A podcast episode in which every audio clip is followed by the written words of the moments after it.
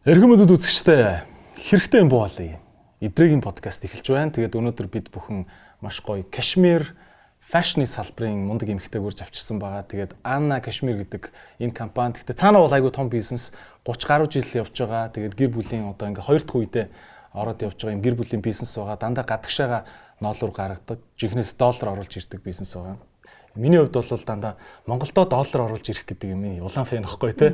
Тэгээд тийм учраас танай бизнес яг энэ чиглэл рүү явж байгаа гэдэг утгаар тэгээд өнөөдөр ариун жаргалтайгаа яг яг энэ талаар ярмаар байна. Тэгээд маш олон бас эмгтэй үзэгчд маань илүү их сонирхох байх гэж бодож байна. Яа тэгвэл ер нь бол фэшн дуртай байдагтай фэшн бизнес хийхийн бас цаад цаад ноу хавг их ярмаар байна.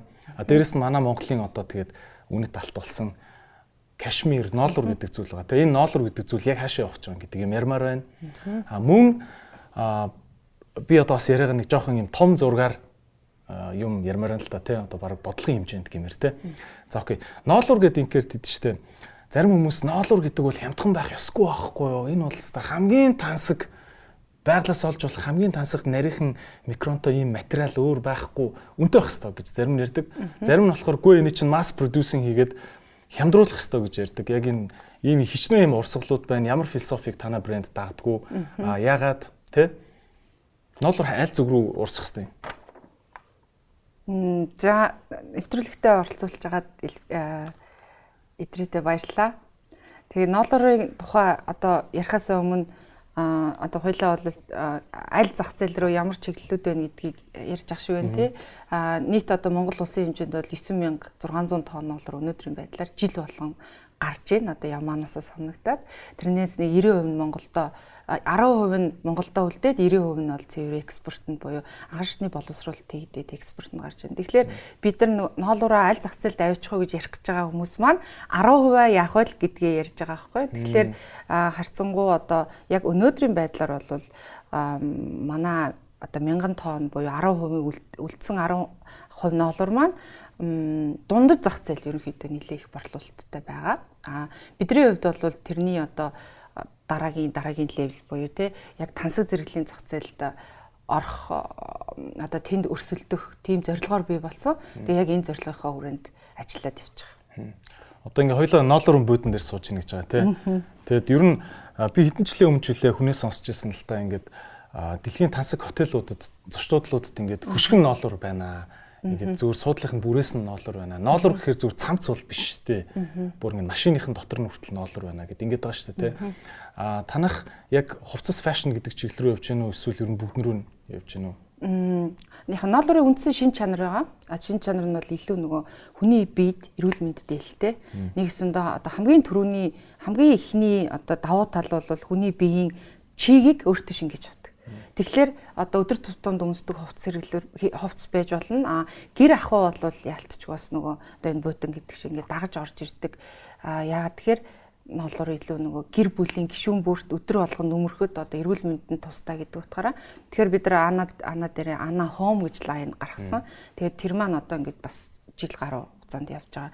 Тэгээд энэ дээр бас бид нэг ажиглалаа л та тий. Яг хоум хийгт бол үнэхээр маш их ноолор орж байна, маш их ажиллагаа орж байна. А тэгээд энэний ингээ үр дүн юу байна гэд харахаар яалч хүний эрүүл мэнд ээлтэй болохоор одоо чинь телевиз үзсэн ч гэсэндээ ингээ нэг нөмрөөд хинч байсан нэг үзүүрээс нэг нөмрөө суучгаар нэг юм одоо тэр чигийг өөртөө шингээж авч байгаа гэдэг нь гэдэг тэр нэг юм таатай мэдрэмж нь одоо энэ ноолур хэрэглэх хүслийг л ер нь их төрүүлд юм байна гэдгийг бид нар бас одоо ингээд одоо бид нар бүгдээрээ мэднэ а илүү наривчилж ярил бол юм байна. За яг ингээд фэшн ялангуяа юм нөгөө тийм бүтээлч сэтгэлгээ ордог юм ур чадвар ордог тий нарийн ур чадвар ордог салбарууд дээр монголчууд бол өөрсдийнхөө бизнесийг ихтгэл муутай байдаг тий. Ер нь бараг л одоо л харин гайг болж байгаа шин. Гэхдээ ер нь л ихэнх хүмүүс бол маанаахан чадахгүй гэдэг үгийг амар хэлдэг шүү дээ тий. Энийг энд юу гэж хариулмаар вэ? Манайхан чаднаа ал гэж хариулмаар байна гэдэг. Тэгэхээр юу яг яг ноолуурын хувьд бол бид нар чаднаа. Одоо хятад дэлхий дээр одоо Монгол хятад хоёр л ноолууртай байна л да. Нийт дэлхийд нэг 20 мянган тонн ноолур байгаа. Тэрний хамгийн ихний үйлдвэр хамгийн ихийг бол 12 мянган тонныг хятад гаргадаг. Хятадаас үйлдвэрлэгдэг 9 мянган тонн Монголоос гараад. За 9 6 за окей. Ингээ нэг 20 20 мянган тонн. За энэ 20 мянган тонн ноолур одоо сүүлийн 30 жил дэлхийг ингээд ноолур хувцаар хангаж байгаа.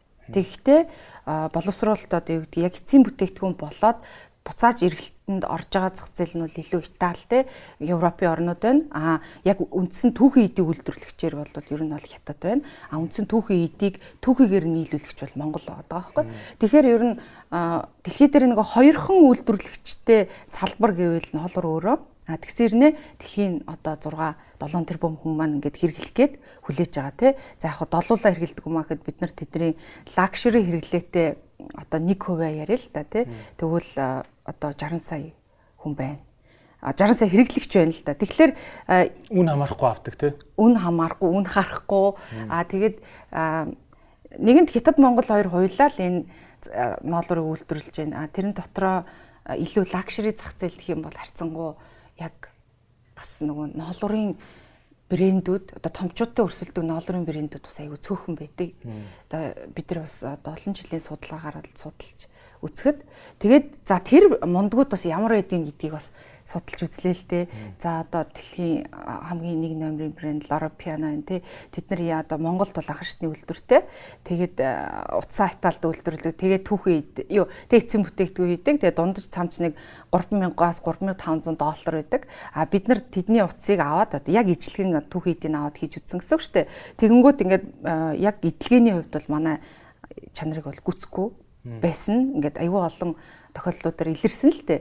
Тэгэхээр бид нар юу гэж ойлгосон бэ гэхээр за Монгол хятад бол энэ зах зээлийн үйлдвэрлэгч юм байна. А тэгээ Монгол өөртөө ингээд сүүлийн 20 гаруй жил за одоо 30-аад жилийн салбарыг хөгжүүлэхийн төлөө улс засгийн газрын одоо бодлогын хэмжээнд ч явцсан, үйлдвэрлэгчийн хэмжээнд ч явцсан гадны донор орнууд тоног төхөөрөмж одоо эдийн засаг техник тоног төхөөрөмжийн тусламжууд бас айгүй их олгоцсон. Тэгэхээр бид нар ер нь харьцангуй айгу бэлтгэгдсэн. Аа тэгээд дэлхий дээр нэг бид нартай өрсөлдөөд байх бол улс бол байхгүй одоо хятадл байна л та тий. Тэгэхээр ер нь яг яг энэ зах зээлд бол бид нарт бол маш их давуу тал боломж байгаа гэж хардаг. Одоо тэгэд Монголд хийж байгаа ноолуураар хийж байгаа энэ нэхмлийн утас шүү дээ тий. Энэ цамцыг хийж байгаа утас.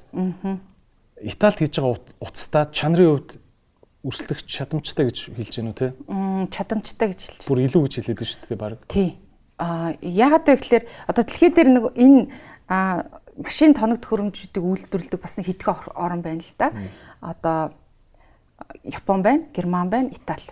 А Итали бол утас үйлдвэрлэхтэй сайн байна тий илүү. А нөгөө Япон, Герман хоёр болох одоо энэ эцсийн бүтээгдэхүүн болох сүлжиг технологитой сайн гэж. Ерөөсөө энэ айгүй тодорхой. Нэг толгоо эргээд ингээл тэр энийг харьцуулаад байх юм ер нь харьцахгүй баг. Хойлоо ингэ төсөөлөе л та. Төсөөлөж байх уу? Ийм бодит байдал төр зөндөө байгаа. За жишээ нь 28 настай. За өөрөө бол өөрийгөө супер ийм мэдрэмжтэй, вкустэй гэж боддог эмэгтэй. За тэгээд өстой Нью-Йоркт амьдарч ирсэн, Парист амьдарч ирсэн, дэлхийг үзсэн. Тэгээд яг одоо Монголын мааны ноолуурны үйлдвэрүүд яг гой загварлаг юм хийж чадахгүй байна. Гэхдээ би чадна гэж бодож байгаа нэг эмэгтэй болж шүү дээ. Тэгээд одоо өөр төр чинь ирээд би яах вэ? Энэ энэ энэ ноолуурыг би би зүгээр Английн хамгийн үнэтэй моол тавьчихад зарчмаар байна. Миний мэдрэмж чадна гэж итгэж байгаа. Эмэгтэйд юу гэж хэлэх вэ? За хамгийн түрүүнд загвар дизайна гаргадیں۔ Одоо өөрөө та айгүй мэдрэмжтэй юм байна. Тэгэхээр үйлдвэрлэлээ хийлэгчих Монголдо бэлдээд. Тэгээ хамгийн гол нь аль зах зээл дээр авч тавих гэж. Одоо тэр том моолууд ч юм уу хамгийн ямар зах зээл харж байгаа тэр зах зээлийнхээ төлбөрийн шууд төлөөд гарч чад байвал одоо шууд гараач л гэж. Юу тэгээд төлбөрөө төлөөд гарал гэж зөвлөнө. А яагаад тэгэхээр одоо бидний хувьд гэсэн тулгамж байгаа асуудлууд юу гэхээр гадны бол маш олон эйженсинүүдэд ажиллах шаардлага үүсэж байгаа тий. За одоо Jennifer Lopez өмсөх юм уу, хинд өмсөх юм тэрийг тодорхойлох хэрэгтэй. Тэрнийгээ ерөөсөө л төлөх хэрэгтэй. Энэ фэшн зах зээл, дээр нь лакшери зах зээл гэдэг бол та төлбөрөөр төлөөл гэдэг л зах зээл. Хэрэг мөнгө хинт төлөх үү, агентлагт очиж төлдөг юм уу, эсвэл бүр ингээд ноолуурын брендийг тэр чигээр бүх юм нь хариуцдаг тийм брэнд хийдэг компаниуд байт юм уу? Аа яг ноолуураар гэхээс илүү ер нь бол ямар одоо зах зээлд ажилдаг э, агентлагуудын тий тэр агентлагуудаа сонгоод ер нь дор хаяжныг 3-аас 5 агентлагтай ажиллах шаардлагатай тий тэр төлбөр мөнгө бол тус тусдаа одоо онцлог онцлогоос шалтгаалаад өөр байдаг. Тэгэхээр за дээр Нью-Йоркийнхоо фэшн уикт орчих тий тэндээ нэг сая доллараар төлчих. Тэгээд дараа нь алдартай дизайнеруудыг урьж оролцуулах хэрэгтэй тий. Тэрэндээ бас төлчих. Тэгэл ерөнхийдөө бол маркетинга буюу одоо төлөх төлбөрөө төлөөд гарах энэ ажлаа хийх тул нээлттэй. Аа түүний ар дээр бол чанар одоо загвар дизайна Монголоосоо бас бэлдүүлээд явж болох тэр 100% 100% боломж болцоол байх. Би зүгээр нэг ийм сонсчихсан л та. Жишээ нь Монголд ингээд үйлдвэр дээр очих хийлхий гэхээр аа бас бас ингээд юу гэдэг чинь. За ноолуур материал нь гоё байлаа гэх тэрийг ингээд гоё ингэж ойж чаддгүй гэдэг ч юм уу. Одоо юу ч үгүй энэ цамц байлаа гэхэд хажуу талдаа ойдлгүй ингээд бүтэн тойрцсон ингэж нэхэж ойдаг энэ төр гэд тэ. Тэгэхгүй бол ингээд эн тэндээ ойтолтой ангууд ингээд ноолуурныхаа тэр үн цэнийг унгаадаг энэ төр гэл тиймэрхүү юм сонсчихсан л та. Тэгэхээр яг үндэ ингээд тэ одоо за манай нөгөө сайн ярьжсэн охин тэ. Очинготой өө ихчээ танаа цэгт 5 ийм цамц хийлхий гэхэд яг үнэхээр Лондонд авчиад зарагдах хэмжээнд хийж чадах юм болов тийм ойж нэгдэг одоо студ гэхүү те зүйл хэд байт юм бол Монголд? Газрууд? Аа сая хэлсэн шүү дээ те нөгөө саяны охин маань өөрөө мэрэгжлийн одоо дизайнер тийм За одоо мэрэгчл та гэлс те. Тийм яг ягаад энийг хэлж байгаа вэ гэхээр бид нар бол гадны дизайнеруудтай ажилтдаг. Тэгэхээр машин бол бүгд л адилхан ингээд өгдлийн нөхчөр адилхан юм гаргаад ирж штэ тий. Хамгийн гол нь одоо хийцлэлтэй текстилд бол хамгийн хэцүү юм нь одоо энэ тооцоол хийцлэл. Одоо түрүү хэлж штэ тий ингээл энэгээр нь ингээд одоо юу гэдгийг нэг ингээд Монголд исэн цамц хэрэг нэг л ингээл өмсгөрний болж өгдөг ч юм уу таталтаад байдаг ч юм уу тий. Тэр бол яг цэврийн тооцооллын асуудал байдаг. Тэгэхээр одоо энэ замцны хувьд ч тэр ер нь ингээд хэр өмсгөлтэй байхын энэ дээр ямар нэгэн алтаа гарвалын хичнээн их үнэтэй бүтээгдэхүүнээр хийсэн байгаад ямар ч хэрэггүй. Тэгэхээр яг энэ мэрэгжлийн салбарт мэрэгсэн дизайнеруудыг бол бид нар гаднаас хөсөлж ажилуулдаг. Жишээ нь одоо нөгөө охины маань хувьд ч гэсэн тий тэр мэрэгжлийн хүмүүсийг бол ажилуулах бол гарцаагүй шаардлагатай. А энэ бол зүгээр давуу хайчилж байгаа юм шиг тий. За нэг эсвэр хийгээд үзээ болохгүй бол болчих гэх юм бол байхгүй. Тооцоол хийлээ, шүлжигдээ гарлаа. Тэгэл тэр эцсийн бүтээгдэхүүн тэрийг өөрчлөх ямар ч боломжгүй. Тий. Тэгэхээр бол яалтчгүй энэ дээр одоо англи улс бол энэ дээр тэргүүлдэг тий. За мэдээч Итали ингээ хойноос нь таагна. Гэхдээ яг текстилийн нарийн тооцоолоор энэ бүтээгдэхүүн хэдэн жилийн настай ямар бүтээгдэхүүн байх юм бэ гэдгийг бол яг яг текстилээр дангасан гадны дизайнерд бол сайн байдаг. Окей. Тэгвэл бага бүрдүүлээ л та. За нөгөө өхний чинь эргээд яриа тийм үү. За ямар ч гэсэн ингээд энэ текстил гэж яриад байгаа тийм энэ одоо ноолуураар бүтэж байгаа энэ материал шүү дээ тий. Энэ энийг сүлждэг тэрийгэ технологи мэддэг энэ машин дээр зөв тооцоолоо хийж чаддаг. Хүн хэрэгтэй юм байна. Өөр хин хин хэрэгтэй? Яг нь ер нь бол креатив арт директор, арт креатив дизайнер гэдэг хүн бол одоо энэ саяны тэр мэрэгжлийн одоо англи дизайнерыг авч ажиллаж штэ тэрнээс илүү бас үн цэнтэй яагаад тэгэхээр англи дизайнер бол та энэ цамц хийгээд өгөөч гэж ямар ч алдаагүй гоё хийж гэдэг чинь түүний өмнө нөгөө креатив маань ажиллана. Тэгэхээр саяны охин чинь бол нөгөө өөрөө бол креатив байх гэдэг шүү дээ тий. Тэгээд тэр өөрийнхөө санаан дээр тэр англи дизайнер тооцоолоо илгээсэн бүтээгдэхүүний хийх гээд багш байна. Гэхдээ тэр бол хангалттай биш. Яг энэ креатив тал дээр бол бас л одоо мэрэгчлийн тий алдартай нэртэй үндтэй яа хаана үнцийг хурж болох тэр хүмүүс бас л төлбөрөө төлөөл авах шаардлага. Тэгвэл танай компани хувьд ямар борлуулалт хийж гэн ямар хуу network руу одоо орж гэн те одоо үнэхээр сая сая долларын төлөөд байгаа мó. Яаж явж байна таны компани Тийм манай хувьд ч одоо нөгөө ковидын үеэр бий болсон ковид үед тисэж үлдсэн стартап компани. Гэдэг л нэртэй боллоо. Одоо тэрийг бас өөрсдөө төлөвлөж хараагүй те. Энэ бол бас дэлхийн нийтийг хамарсан тахалтай ингээ нүүр туллаа. Тэгээд яг бидний хувьд бол хамгийн түрүүнд 18 онд бид нэр Хонконг зөвлөх компани авсан. Тэгээд Солонгос зөвлөх компани авсан. Тэгээд тухайн үед л бид нар тэдний ажлыг хийж өгөөд зөрүүлээ тэдрээс олж исэн одоо ашиг гэх юм уу те коннекшнороо дамжуулж авч исэн учраас яг л нэг амар сая сая доллар бол төлөөгүй л дээ. Гэхдээ тухайн үед салбартаа үнэхээр мэдлэгтэй, туршлагатай хүмүүсээр бид нар зөвлөгөө авсан. Одоо ч тэд нар маань ингээд зөвлөө явж байгаа. Тэгэхээр бидний хувьд эхний одоо концепц маань pop up store байя тий. Эхний ээлж нь ямар ч гэсэн өөртөө туршлагажуулъя таниулъя мэдүүлъя а тэгээд богино хугацаатай бай. Тэгээ ингээ нүгэ нүгэ яваадъя гэдэг тийм концепц тэр бол яг хаа зардлаа л юм хичээлдэг гэж байгаа юм л да тий. Тэгээд хамгийн түрүүнд бид нар Америкт pop up store нээсэн. Гэхдээ тэр нь нөгөө концепт стор маягийн pop up хэрнээ концепт гэхээр одоо баг л хамгийн зардлаа юмсэн үйлбэр гэсэн үг шүү дээ тий. Тэгээ одоо ч гэсэн одоо нөгөө трейд центрт байж байгаа Нью-Йоркийн.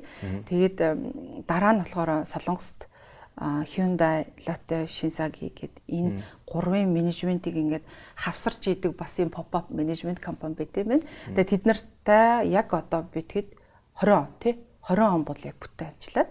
Тэгээ одоо болохоор солонгосын арай нэг өөр дэлгүүрт одоо дизайнер брэндүүдийн бас юм концепт сторт байрлаж байгаа. А сая яг ковидын үеэр Лондонд онлайн а шоп нээсэн. Шопт бас өөрийнхөө одоо лангууг барьшуулад гэх юм уу. Тэгээд тэр маань бол яг нэг бас их сайн явсангүй. Яг бас тэр үеэр таарад шоп маань өөрөө ингээ асуудалтай болоод бид нар бол яаж хийж байгаа сток аваачаад айгүй гой зураг авалт молтой хийгээд тавьсан чинь тэг ингээ жоохон доголдсон. А бид нар одоо Дубай дэлхийн экспод орж байгаа. Дэлхийн экспо бас жил хойшлогдоод тэгээд сая ингээд нэгтээд явж байна. Тэгээд а нэрээ энэтэй холбогдуулж ярихад бид нар бас Дубайд нөгөө анхны фэшн шоунд оролцож байгаа. Энэ маань баярлаа. Дэлхийн экспоос тусдаа а бас нэг хааных нь хүүхдийн ивэлтер зохиог байгуулагч тийм фэшн шоу тэгээ одоо бид нар 11 сарын ихээр оролцож. Дубайд ч тэгээд яг нөгөө том томоор худалдаа авалт хийдэг сүлжээ дэлгүүрүүдтэй хүмүүс ч үрж ирэл загваруудыг харж байгаа л. За энэс танах 2000-ыг хийж чадахгүй гэж шууд том том дүнгээр захиалдаг гэсэн сонсчихсон зүг. Яг ямархуу тэр экспорт яг юу болох юм бэ очоод. Аа Дэлхийн экспо бол одоо нөгөө түрүүн Шанхай зохион байгуулагчаа одоо тэнцэх одоо хэд 22 сая хүн одоо аялах тийм төлөвлөгөөтэй. Яг хөө тэн дээр бол илүү бид нар Кашмирыг танилцуулна гэсэн зорилготой. А одоо энэ фэшн шоу маань бол илүү одоо яг Дубайн баячууд хүрэх сонирхолтой. А тэгээ үргэлжлүүлээд Дубай Молд бид нар яг өөрийнхөө дэлгүүрийг одоо нөгөө ковид үе тисэж үлдэж мөнгөө хэмсэн мөнгөөрөө тэндээ ямарч ихний хэлжинд бол яг өөрийнхөө дэлгүүрийг нээсэн зорилготой одоо. Тэгээ одоо Дубай ч нөгөө халуун одоо юу гэдгийг зөвхөн одоо арабуудаар төсөлж болохгүй болчлаа шүү дээ. Тэгээ нэг үе бодол Дубайч өөрөө ингээ өөрчлөгдөж байгаа болохоор дэлхийн хүмүүс бол очих нь тодорхой юм байна. Дубай мол бол тэгэл тэдний өндө цагаан өнгөрөөдөг газар болохоор одоо Хонконг гэхээсээ илүү бид нар Дубайд шууд нээх нь бол зөв юм байна гэж төлөвлөж байгаа. Дубайд ч тэгэл одоо бүх хятадын баячууд, бүх Европын баячууд хоорондоо ингээл уулздаг тийм. Тэгээ ер нь бол мөнгөтэй хүмүүст яадаг болсон юм шүү. Өө манай Дубайд ирж интернетээр бизнесээ хийлдэг л зүгээр алтан виз өгөөл өгөл шүү тийм шүү тий. Харин одоо тийг сонсоод байна шүү. Тэгнэл гэж л хүлээлттэй байгаа шүү тий. Ямар ч сан фэшн шоунд оролцоод тэр нөгөө баячуудын дунд өөрсдийгөө ингээд таниулах нь айгүй чухал байна л да. Одоо бид нар бол илээ зардлаа хэмнүүл тэгмээргүй л энэ. Гэхдээ одоо яг энийг энэ тийжээж дараагийн алхам нэгдэх нь тодорхой болчиход байгаа болохоор тэгээд ямар ч энэ ажлыг бол Одоо зөвлөх компаниуд чинь ирээд юм хэлж байгаа шүү дээ. Би зөвхөн фэшн салбар дээр үс жишээ нь барилгын салбар энэ төр дээр сонсч ирсэн л да. Аа нэг барилгын төсөл дээр ингээд хурж ирээд зөвлөх компани хурж ирээд жижигхэн юм судалгаанууд аваад хүмүүсийг ингэж барилгын тэр концепт шиг нь адилхан барилгын тэр баг барьж байгаа туршиж үзт юм уу да. Тэгээд а айгуу тийм жижигхэн юмнаас болж борлуулалт нь ундаг те. Одоо юу ч тийм Монгол хүн зүгээр нэг тийм хаалганд дургүй юм байна гэдгийг нээснээс болол за танай барилгын төсөл бол Монголын хотын төвд бол нэг явахгүй байна гэд ингээ зөвлөх компани хилчээд гар авчдаг. За жишээ нь юм юм сонсчихсан те. А тэр шиг танаа танаа одоо брендийн хувьд монголчууд яг энийг юусоо ойлгож өгөхгүй байна. Та нар ноолуурынхаа энийг буруу хийгээд байна энэ төр гэд те. Им зөвлөсөн юм харахад энгийн юм шиг мөртлөө яг үнэхээр туршлагаар олж авдаг тийм мэдлгүүдийг та нарт хийсэн үү? Юу гэж зөвлөсөн бэ та нарт? Гой асуулт байна. Аа яг тийм болсон. Одоо ингээд жил Солонгосын том моолуудаар ингээд явхаар тэд нар ганц манайг авч юм байна л да. Хичнээн брэндүүдийг ингэж менеж хийдин тий.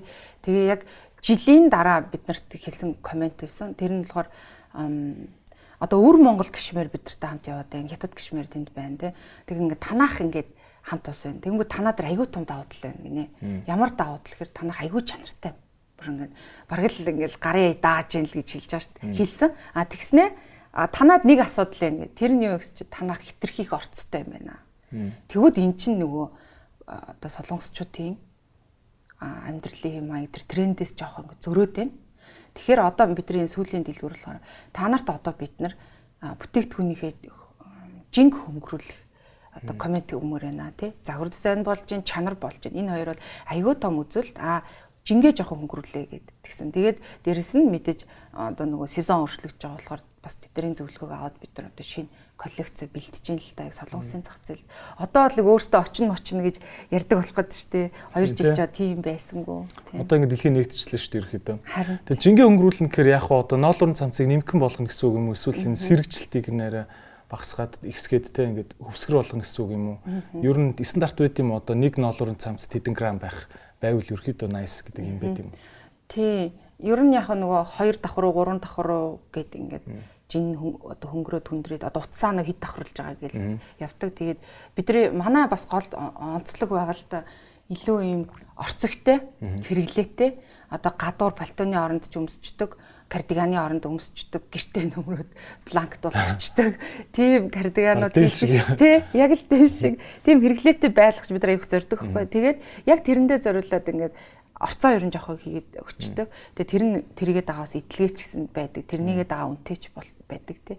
Аа тэгэхээр нөгөө хідэн давхар вэ гэдгийгээ бид нар бас одоо жишээ нь зах зээл зах зээлээс хамаарат жоохон ингэ дүүрчлэх шаардлагатай болж байна. Одоо Дубай дээр их чинь дандаа нингхэн тэгээ араа балчур балчур хийж ин л та тий. Өмнө нь бол бид нар эзэж гаргаж байгаагүй.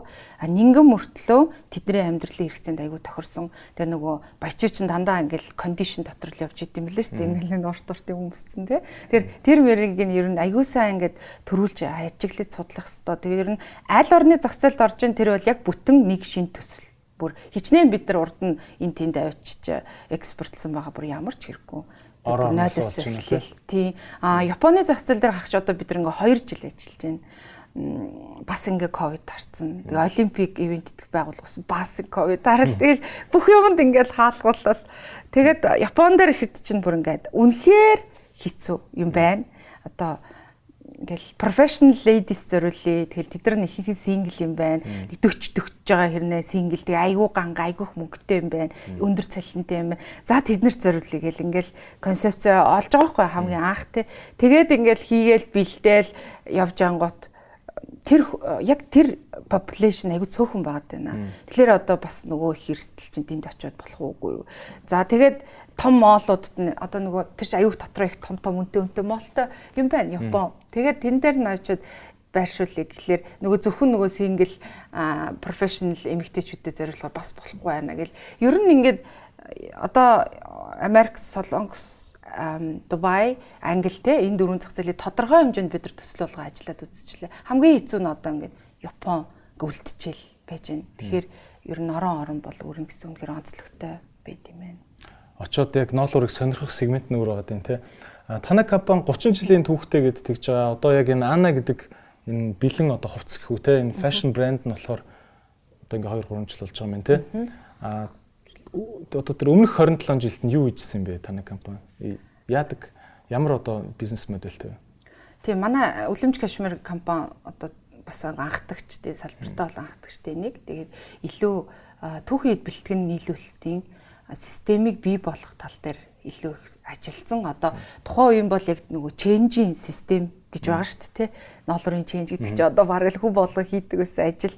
Тэгээд э, одоо 21 аймагт ингээд бэлтгэний хэлэлтийн сүлжээ бий болгоцсон.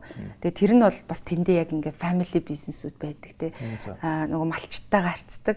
Тэнгүүд малчнаас ноолроо аавна, намар болонгууд махаа аавна, өвөл болонгууд арьсаа аавна ч гэдэг юм уу. Ерөөсөө л ингээд жил тойрсон ийм сүлжээ бизнес үүссэн үүссэн байдаг. Тэгээ энийг бол манай компани бол 20 жил ингээ бүр яг бий болгосон тий. Тэгээ байж атал нөгөө дэлхийн том брэндүүд нэгдээд Gucci, LV нэгдээд бид нар одоо энэ ноолор чинь олон жил ингээд 20 жил 30 жил монголоор монгол ноолорыг дандаа хятад дамжуулж авлаа. Тэгээд бид нар энэний sustainability гэдэг юм яг мэдгүй байна. Үнэхээр энэ ноолор сайн нэгч мэдгүй. Одоо юу гэдгийг нөгөө эцсийн хэрэглэгч хэрнээ эннийхээ ингээд мөн чанар чанарт ингээд сэтгэл хангалуун байж чадахгүй байна. Тийм учраас бид нар нийлээд ингээд төрийн бус гэх юм одоо ийм байгууллага англи төвтэй байгууллаа. Тэгээд одоо манай хэрэгжилж байгаа нь бол Монголын аль яманаас гараад тий ямар ямар дамжлага дамжаад хүрээд ирээд хүүсрэг баталгаажуулж байна тий. Баталгаажуулаад өгөөч ээ гэдэг ийм байгууллага бий болсон. Тэгээ тэр байгууллага одоо ингээд 5 жил 6 жил гаруй ажиллаж байна. Тэгээ тэд нар юу хийсэн бэ гэхээр одоо яг манай үлэмжийн бий болгосон системийг бэлэн системийг ашиглаад одоо хоршоожуулаад тийм одоо малчтыг нийлүүлээ хоршоо болгоё. Танай одоо нөгөө энэний цаанагаа малчт байгаа шүү дээ. Тэр нийлүүлээ хоршоо болгоё. Тэгээ малчтыг сургая тий? Малчтаа ямаагаа яаж малахыг яаж самнахыг яавал та урт хугацаанд ямаанаас ашиг олж чадах юм бэ гэдгийг ингээс өнгөрсөн 5 жил сургалаа. Тэгээд энэ тодорхой хэмжээнд энэ одоо түүхийн эдийн блокчейн гэдэг системийг бий болголоо. Тэгээд энэнд бол хамгийн одоо үүрэг оролттой хамгийн их өндөр бэлтгэгдсэн байсан компани бол манай үлэмж гişвэр. Тэгээд э, бидний хувьд одоо Ана гişмэрт бол байгаа хамгийн том давуу тал юу вэ гэхээр энэ 21 аймагт бэлдсэн энэ блокчейн те түүхийн эдийн том блокчейнээс бид нар хамгийн сайн чанартайг нь одоо бэлдүүлж авч ин л да. Тий одоо Баянгор аймгийн Шинжинс сумын тэр хідэн машины тэгсэн хийсэн олор гээд. Тэгээд тэрийгэ яг эцсийн бүтээгдэхүүн болгож одоо гаргаж ирж байна. Дээрэс нь манай энэ эцсийн бүтээгдэхүүн одоо нөгөө томчуудын хэрэгжилж байгаа эцсийн бүтээгдэхүүнтэй яг ижилхэн шошготой болж байгаа. Тэр нь одоо Sustainable Kashmir гэдэг юм аль биесны шошго одоо манай лейблийн ингээ хажууд ингээ давхар наагдаад явна. Нөгөө Европ хүнсэн дээр органик хүнс болохын батлав гэдэг ингээ нэг ногоо навч идэг шүү дээ тий. Тэр шиг л юм байна тий. Тэр шиг бас яг юм ногоо муу. Тэгэхээр үлэмж Кашмир гэдэг одоо энэ Ана Кашмирийн цаана байгаа одоо эцэг компани юм тий. Аа одоо ноол үрийг улс улс орон даяар цуглуулад бөөн бөөний болгоод зардаг компани байна гэж байна. Тэгээд анхан шатны боловсруулалтын үйлдвэр бас үйлдвэрлэе. Одоо нөгөө салбарын болохоор ингэж яриад байгаа байхгүй. Анхан шатны боловсруулалтаа та гингүүд ингээд та нар бол ойлгож чадаа тийм. А бид нар болохоор анхан шатны боловсруулалт гэж юу юм? Зөв шорооноос нь салгах юм уу? Тэгээ угаагаад одоо бодвол нэлээ олон юм болдог гэлгүй тийм. Юу юу их вэ? Анхан шатны боловсруулалт гэдэг маань ялган салган англин тий тэгэнгүүтээ угаана Тэгээ самна. Тэгээ энэ бол одоо самнах процессыг манах өөртөө. Түгээдээ бэлдэнэ. Тэгээ самна. Тэгэхээр энэ голын угаах процесс шүү дээ. Энийг бол манай өвлөмж гişмэр хийхгүй. Бас гэрээлэгч компани орж ирж хийдэг гэсэн. Тэгэхээр энэ бол одоо яг манай гаргадаг бүтээгдэхүүн. Одоо манай өвлөмж гişмэрэн гаргадаг. Жишээл ноол уран хөвнөл юм шүү дээ бүр. Тий. Энэ одоо самцсан байгаа нь уу? Тий, одоо энэ ингээ самцсан.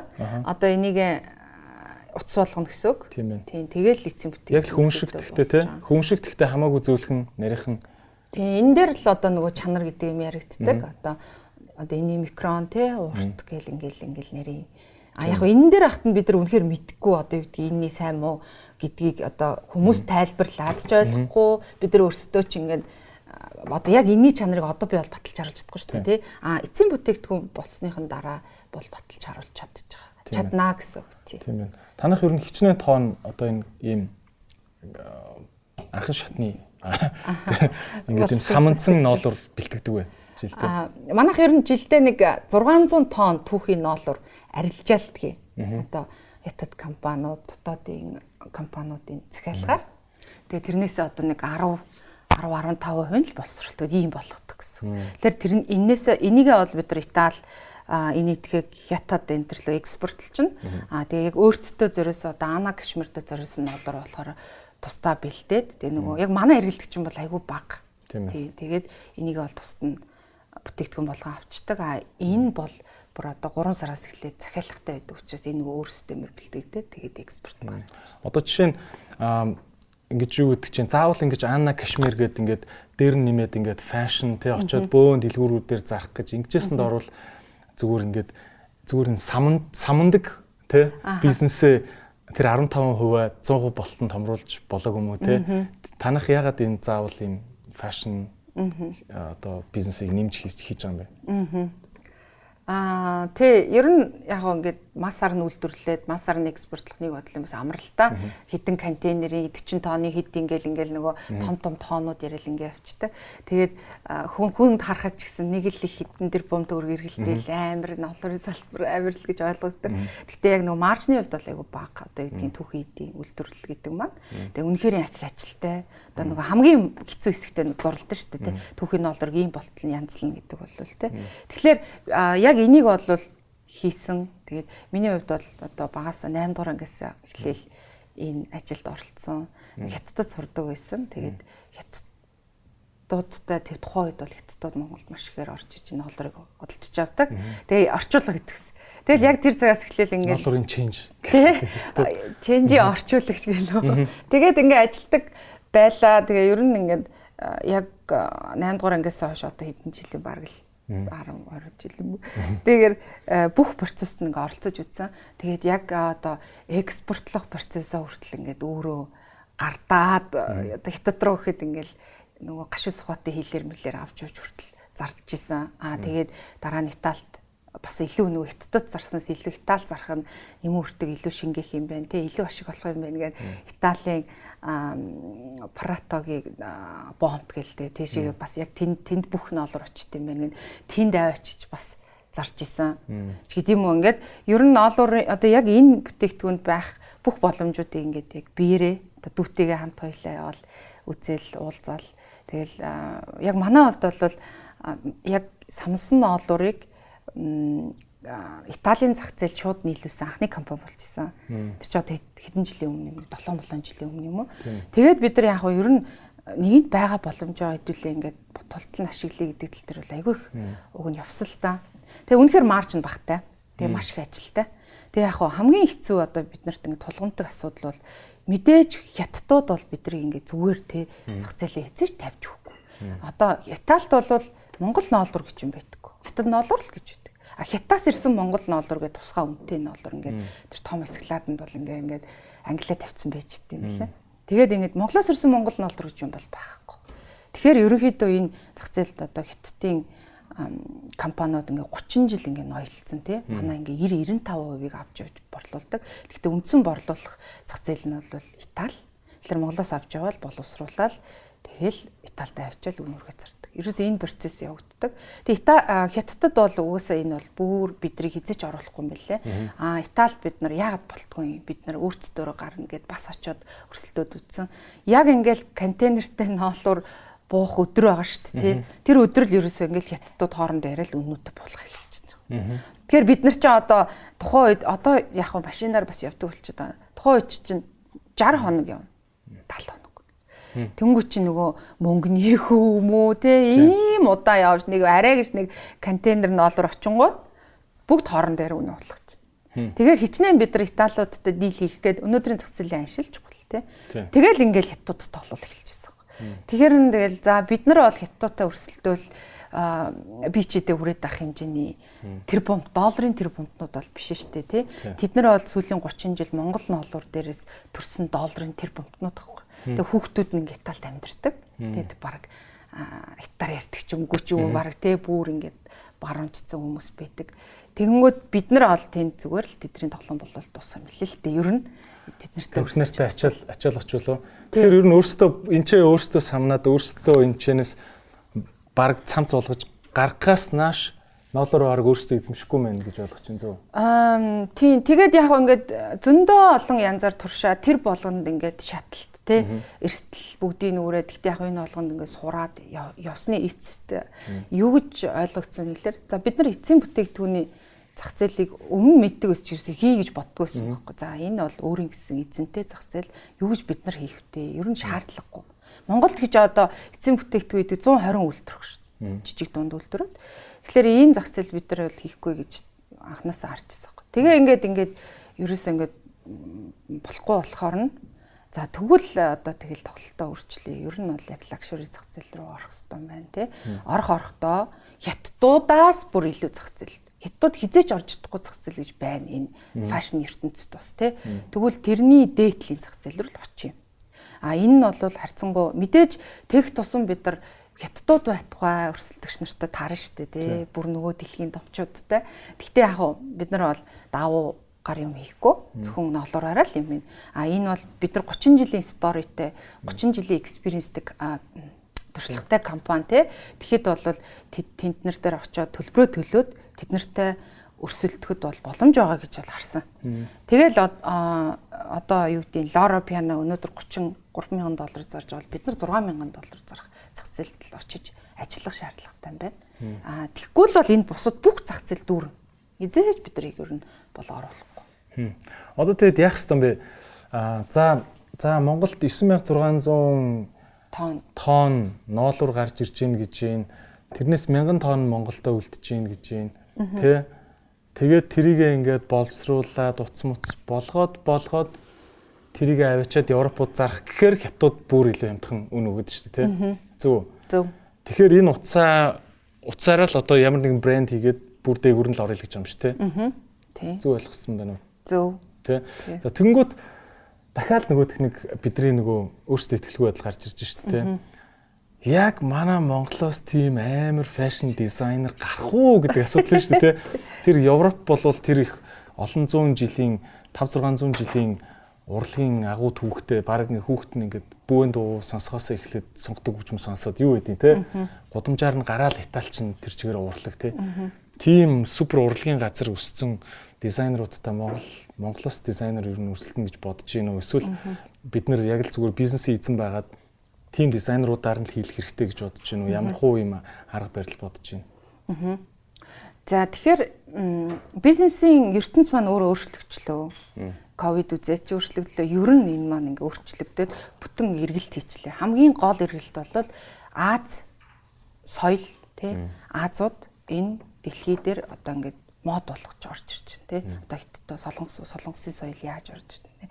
Тэгэхээр бидний хувьд бол одоо одоо хөгшин Европ гэх юм уу тий. Тэгээ энэ энэ үжээ хөгжөөд ингээд дээдзэгтээ тулцсан газар тал өрсөлдөх шаардлагагүй. А бид нар илүү Аз тий Азаас орж ирж байгаа соёл а тэгээ Азийн Азад байгаа боломж хамгийн гол одоо бидний харж байгаа юм бол одоо шин тэр бомтнууд төрөд эхэлчлээ л дээ зах зээл дээр те нөгөө 16-аас 24 насныхан чинь одоо дэлхийн лакшери хэрэглээний хамгийн хэрэглэл хэрэглэгч нар нөгөө жин дарж байгаанууд маань тэд нар болчихж байгаа байхгүй тий. Одоо сүүлд ингээд Chanel-ийн хувцсыг харахад тий өмнө хизээч Chanel ийм хийн гэж төсөөлж байгааг багт ингээд өөрчлөгдчихлөө. Тэгэхээр нөгөө хэрэглэгч маань өөрөө өөрчлөгдөөд бизнесийн залуу TikTok-ийн баячууд аа. Тий.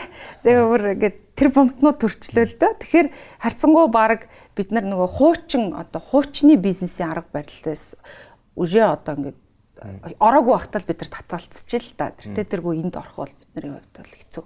Тэгэхээр одоо ингээд өнөөдөр юу тренд болж байгаа тэр лүгэл явчихад бол бидэрт боломж байгаа гэж харж байгаа. А мэдээж бол түрүүний хэлсэн нөгөө сая сая доллараар төлөх ёстой төлөх ёстой.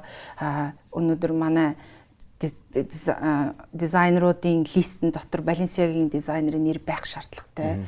Одоо энэ ингээ заавал хийх ёстой ажлууд гэж байна л да. Тэгэхээр тэрийгээ бол төлбөрөө төлөө хийлгэж чи а илүү өнөөдөр цахим мөрөн болчлоо тий. Дээрэс нь нөгөө шин биллион руу төрчлөө.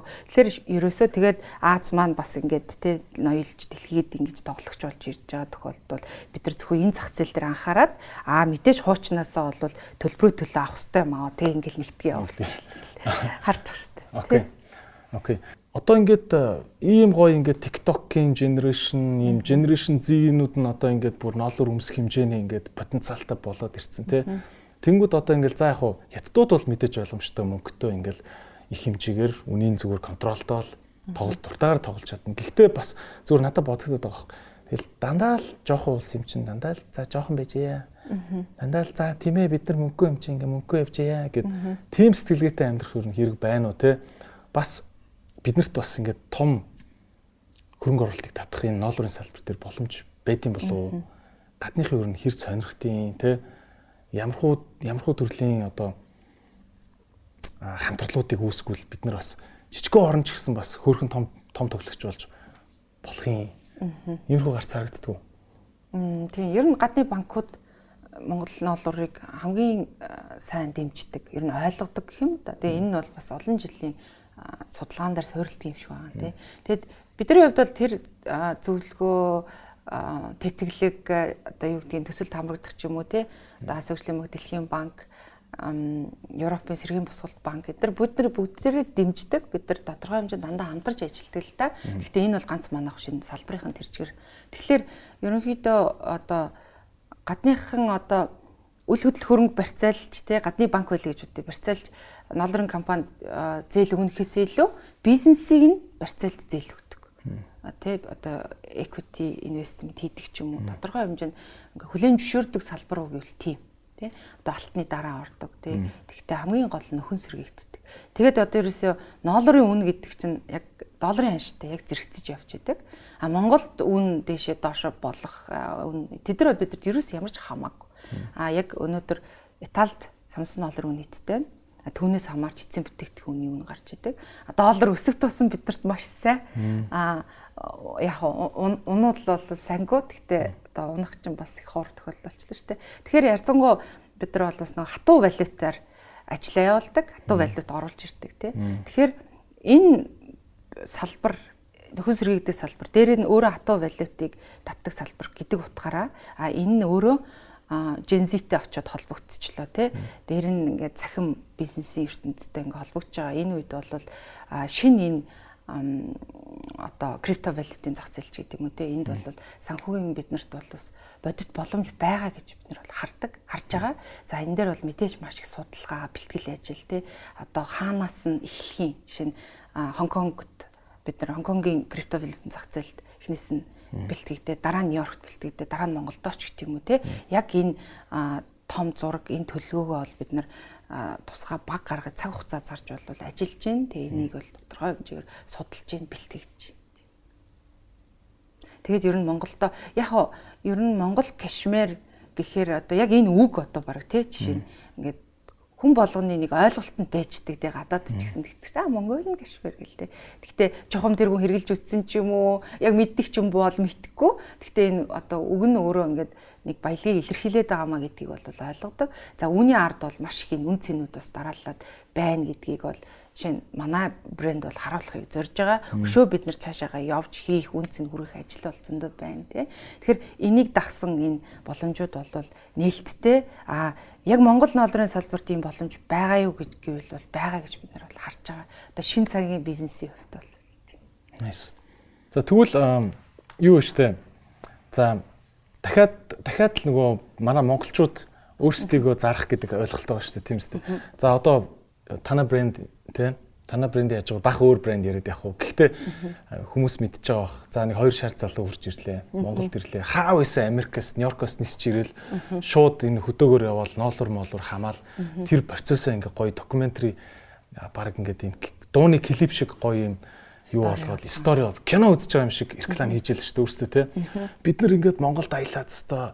Жинхэнэ малчных нь хотноос ингээд аваад хамгийн этиктэй дунд нь ченжүүдийг оруулахгүй Ёстой. Бүх мөнгөө яг ингээд малчныхын гар татгуулаад хамгийн юм ёс зүйтэй бизнесийг хийгээд Wall Street-ийг өнөөдөр би ноолуураар одоо ноолуураар гоёно гэд баг тэгж очоод бүф бүүм авч штэ тий. Тэгээ би гайхаад баг зөөр нэг юм хоёр шар нөхөр Монголд ингэж аялах гэж ирэнгүүтээ кино шиг юм хийгээд баг хүн уйлмаар юм уйрмаар түүх яриад малчаа ах махын амьдралыг баг очиж сайжруулад байгаа юм шиг тий. Тим юм дэлхийд ярангуудаа Монголын ноолуураар цамц хийгээд Нью-Йоркийн одоо тэр Wall Street-ийн залуучууд зараад штэ тий. Тэгэхээр биднэрт ийм story telling гэж яриад байгаа тийм өөрсдийнхөө түүхийг дэлхийг ингээд бүр зүрхэнд нь ортол ярьдаг тийм чадвар яг манад байна уу гэдэг бас асуудал байна шүү дээ. Тэгэхээр энэ дээр одоо ямар анхаарал хандуулж чинь танаа зүйл компаниуд чи юу хэлж чинь те. За Аана гэл за одоо 30 жилийн түүхтэй юм компани юм аа. За энэ дээр story бичээт гэ та нар бодвол ярьсан л хэлгүүд те. What's your story те. Аа Аа тий одоо тэд нар ч юм бол бүр юу ч байхгүйгээс стори би болгоо яваад байгаа шүү дээ тий. Зүгээр л сенсортл ярьдаг ш хүмүүс дээ Америк хүн чинь. Тэгээд бид нар чи байгаа яваа ярьж чадахгүй л ингээд удаад байгаа дээ ер нь тий. Тэгэхээр яг бид нар энэ дээр ч гэсэн зөвлөгөө нөгөө зөвлөгөөд маань энэ ажилд бол оролцож байгаа. Гэхдээ энд нэг ийм асуудал байна бид нар одоо за ерөөсө тэр тэндлэлтийн зах зээлийн тийшээ очиг гэл ерөөсө ороод байгаа ч юм бол бас биш те. Энийний арт ингээд аа маадаг Хонконг компани байдаг. Тэд нар бол яг яг энэ текстилийн зах зээлийг ингээд бас Хонконгоос сүүлийн одоо 30 жил ингээд өдөртсөн. Тэд нар яаж өдөртсөн бэ гэхээр анх ч одоо Хонконг руу чинь Гүчи Прадаг оруулж ирээд дамал зардаг байсан юм шүү дээ тий. А тэгээ байж тэд нар ч өөртөө ороод ирсэн юм байна. Тэгээ түүнээс хойш тэд юу хийсэн бэ гэхээр яг энэ дэлхийн брэндүүдийн зөвхөн текстил продуктуудыг хийдэг болсон захиалгаар. Тэгээ тэр нь болохоор Японд төвтэй одоо хэдэн тэрбум долларын үнэлгээтэй тэг мундаг том компани бий болцсон байна. Одоо байд юм байна. Тэгээд тэд нартай 15 онд юм уу? Тэг 15 14 онд 15 онд тэгээд Кашмир World бид нар ч одоо явж үзэхөө гурал конференс байхгүй шүү дээ. Кашмирийн бүр дэлхийгээр дөрөв явцсан. Тэгээд Хонконгод Кашмир World бас тухай. Тэгээд Монголоос манайх ингээ оруулах ёстой. Бид нар түүхий хийдэг. Тэгээ энэ та нарын эргэлж байгаа энэ энэ хурал хийгээд байгааг чинь тал түүхий эдийн бид нар бэлтжээд ягаад та нар манайх ингээ оруулдгүй эргээд тухайн үед тэднийг зардал мартал гаргаалдаг очиж ирсэн. Тэгээ нөгөө панелд орж ирэл ингээ оролцоо явсан чинь нөгөө эхний панел бол хоёр дахь панел хэлэх гэжсэн чинь миний хажууд нөгөө шоуны координатор ирсэн. Тэр бол текстилийн компани хамгийн том нь хажуудх нь тэрний зөвлөгөө тэр нь тэгдэг гэл ингээл нөгөө нэг инсайдер мэдээлэлүүд өгч байгаа шүү дээ. Тэгээд аа тийм үү гэд. Тэгээ харчаад байжгаад яг тэрний дараа хоол уссыг ланч болоод. Тэнгүүд аа энэ энэ хүмүүс аягүй чухал гэсэн тэгээд чижилсэн болохоор mm -hmm яг нэг ланч ядгт ингээ хажууд нь жоохон дөгч очоо тий нэг ширээнийх ингээ нэг буланд очоо суучлаа. Тэгээд хоолоо идээд ингээд ярьж чад тэр нэг том захирал том захирлыг ерөөсөө нэг атгадаг нэг эмгтэй захирал гэдэг тэр нь яг надтай ойрхон суусан байхгүй. Тэр нөгөө панел маань эхний панел дуусаад араас нь манай панел орсохгүй юу. Тэгээ тэрэн дээр яг нөгөө түүхийдийн талаар ярьсан. Тэгээ тухайн үед одоо ноолор бэлтгэгч одоо хоёр дахь их Монгол яасан юм. Тэгэл танад одоо яг бэлтгэний нийлүүлэлтийн supply chain ямар асуудал тулгарч байна гэлээ тиймэрхүү юмуд ярьсан. Тэгэхээр би тухайн үед бол тэр мэр асуудлыг яг шийдэх бол зорилгогүй шүү дээ. Ер нь бол дотроо а бас арай өөр зорилготой байсан болохоор ер нь нэг Монголд одоо 9000 9000 8000 тонн ноолор үйлдвэрлэж जैन тэгж जैन нэгж जैन гэл нэг тиймэрхүү одоо өөрийнхөө мэддэг хэсгээ яриад тэгээ өнгөрч. Тэгээ ажил яг ланч болоо. Тэгээ тэд нартай очиж орхон суугаад тэгсэн нөгөө тэдэрт хамгийн санаанд нүлцсэн юм нөгөө 9000 тонн үлдсэн. Тэнгүүт тэр нөгөө том захирал нь өөрөө ингээд яг өөдөөс хараа суужсан. Нөгөө туслах нь энцэж. Тэнгүүт танаад нэр 9000 тонн болоор идэв үү гээл нөгөө шууд ингээд ярил. Лэр нь харин тийм гэл. Тэгээд ер нь тэд нар яг мэдээлэл бол ус байгаа. Зүгээр яг яг энийг ингээд яриад ингээ Монгол охин үрдэрнэ гэж бол бодоогүй юм шиг лээ. Тэгээд тэр захирлахаараа за юу би ч нөгөө Анна гэдэг нэртэй. Аннагийн утсыг ав контактыг ав ингээд тусгай уулзалцах хөө гээл тэгчээл тэгэл яадагцахгүй. Тэгээд тэр яг өөрийнх нь тэр туслах эмхтэй яг гүйцэтгэх захирал эмхтэй. Тэгээд тэр э, шууд холбогдоод тэгээд чи өнөөдөр үдээс хойш юм эсвэл маргааш үдээс хойш цаг байл хэдүүлээ ингээ уулзъя гэдэг. Тэгээ уулзсан. Тэгээд тэднэрт бол тэд нар юу гэсэн гэхээр бид нар бол дэлхийн одоо текстилийн хамгийн одоо лакшери нөө премиум брэндүүдийн текстил продукт ингээ хийдгээ. Гэхдээ Япон компани, гэхдээ Хонконг дэм төвтэй. Аа бид нарт юу байна гэх юм бол хятадын хамгийн том утас үйлдвэрлэгч байна. Аа тэгээд яг хятад гэдэг нь бол Италиас тоног төхөөрөмжөө авчирсан хятад компани шүү дээ тий. А тэгээд юу байна? бид нар өөрөө зах зээл маань байна. Одоо бидэрт юу хэрэгтэй байгаа гэхээр дэлхийн хамгийн том түүхэн эдийн компани хэрэгтэй нь одоо дэлхийн хамгийн том ер нь нэг түүхэн эдтэйгээ бид нар шууд холбогдмоор байна гэд. Тэгээ ингээд энэ гурав нийлчих юм бол хэдүүлээ зүгээр л энэ салбарыг барих гад байна гэдэг. Тэгэнгүүт нь тэгээд өө ямар гоё тэгэлтэй одоо бид нар юу хийж чадах вэ те ямар боломж байна гэл Тэгэл тухайн үед бол амар баярлаа ш дотроо. Яас тэгээд одоо тэгээд ер нь тэр компаниас бол тэд нар тэгээ бидрээр аяггүй олон жил одоо одоо хүртэл ингээм хамтарч ажиллаж байна яасан бэ гэхээр ер нь ингээд бидний айгүй олон байдлаар туршсан. За түүхэн идэ үнэхээр хийж чаддсан юм уу? Үнэхээр түүхэн идэ ингэж ихээр бэлтгэдэг юм уу?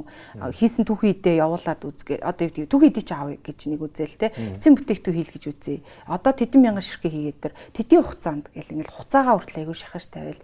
Тэгээ бидний их олон төрлөөр бэлдсэн. Тэ энэ дунд байсан нөгөө хятад компани байгаа шүү дээ те.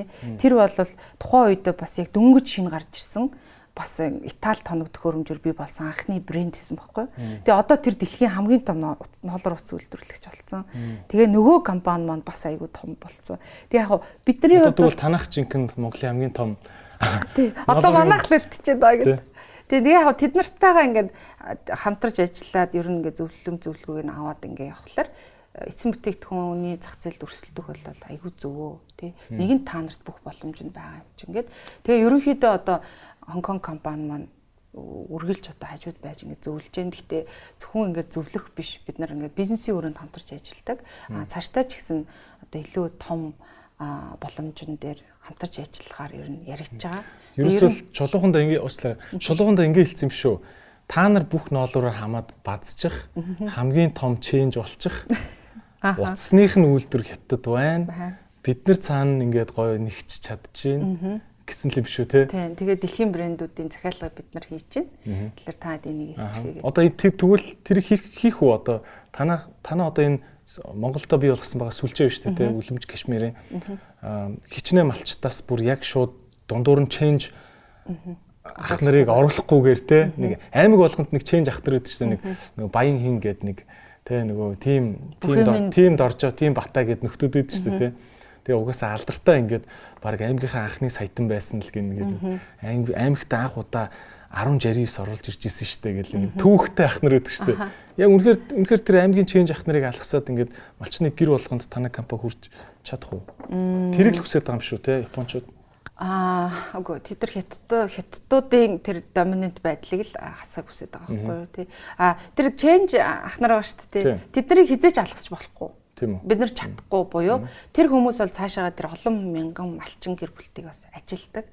Тэгэхээр тэд нарыг эндээс бид нар дэмжиж тэд нар цаашаага малчтайгаа ажиллах боломж нь болгоод тэгээ энэ системийг бол бид нар бүр харин энийг байгаад ингээ баярлах хэрэгтэй.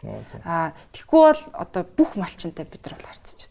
Харин харин би зүгээр яг асуусан гэр тэр чэйнж ах нар чинь аймгийнхаа бүх малчтаас авангуудаа хятад өгчт юм шүү. Та нарт биш. Аа тийм болохоор би асуу. Тэгдэг хэсэг бол байдаг. Тийм. Гэхдээ тэр бол одоо юу гэдэг дөнгөж зах зээл рүү ингээд хальт орж ирж байгаа ч юм ороо гарч ирж байгаа ч юм уу тийм эсгүүд л байдаг болохоос биш одоо нөгөө 20 жилийн ингээд хамтын бизнесийн харилцаа бол айгүй үнцэнтэй.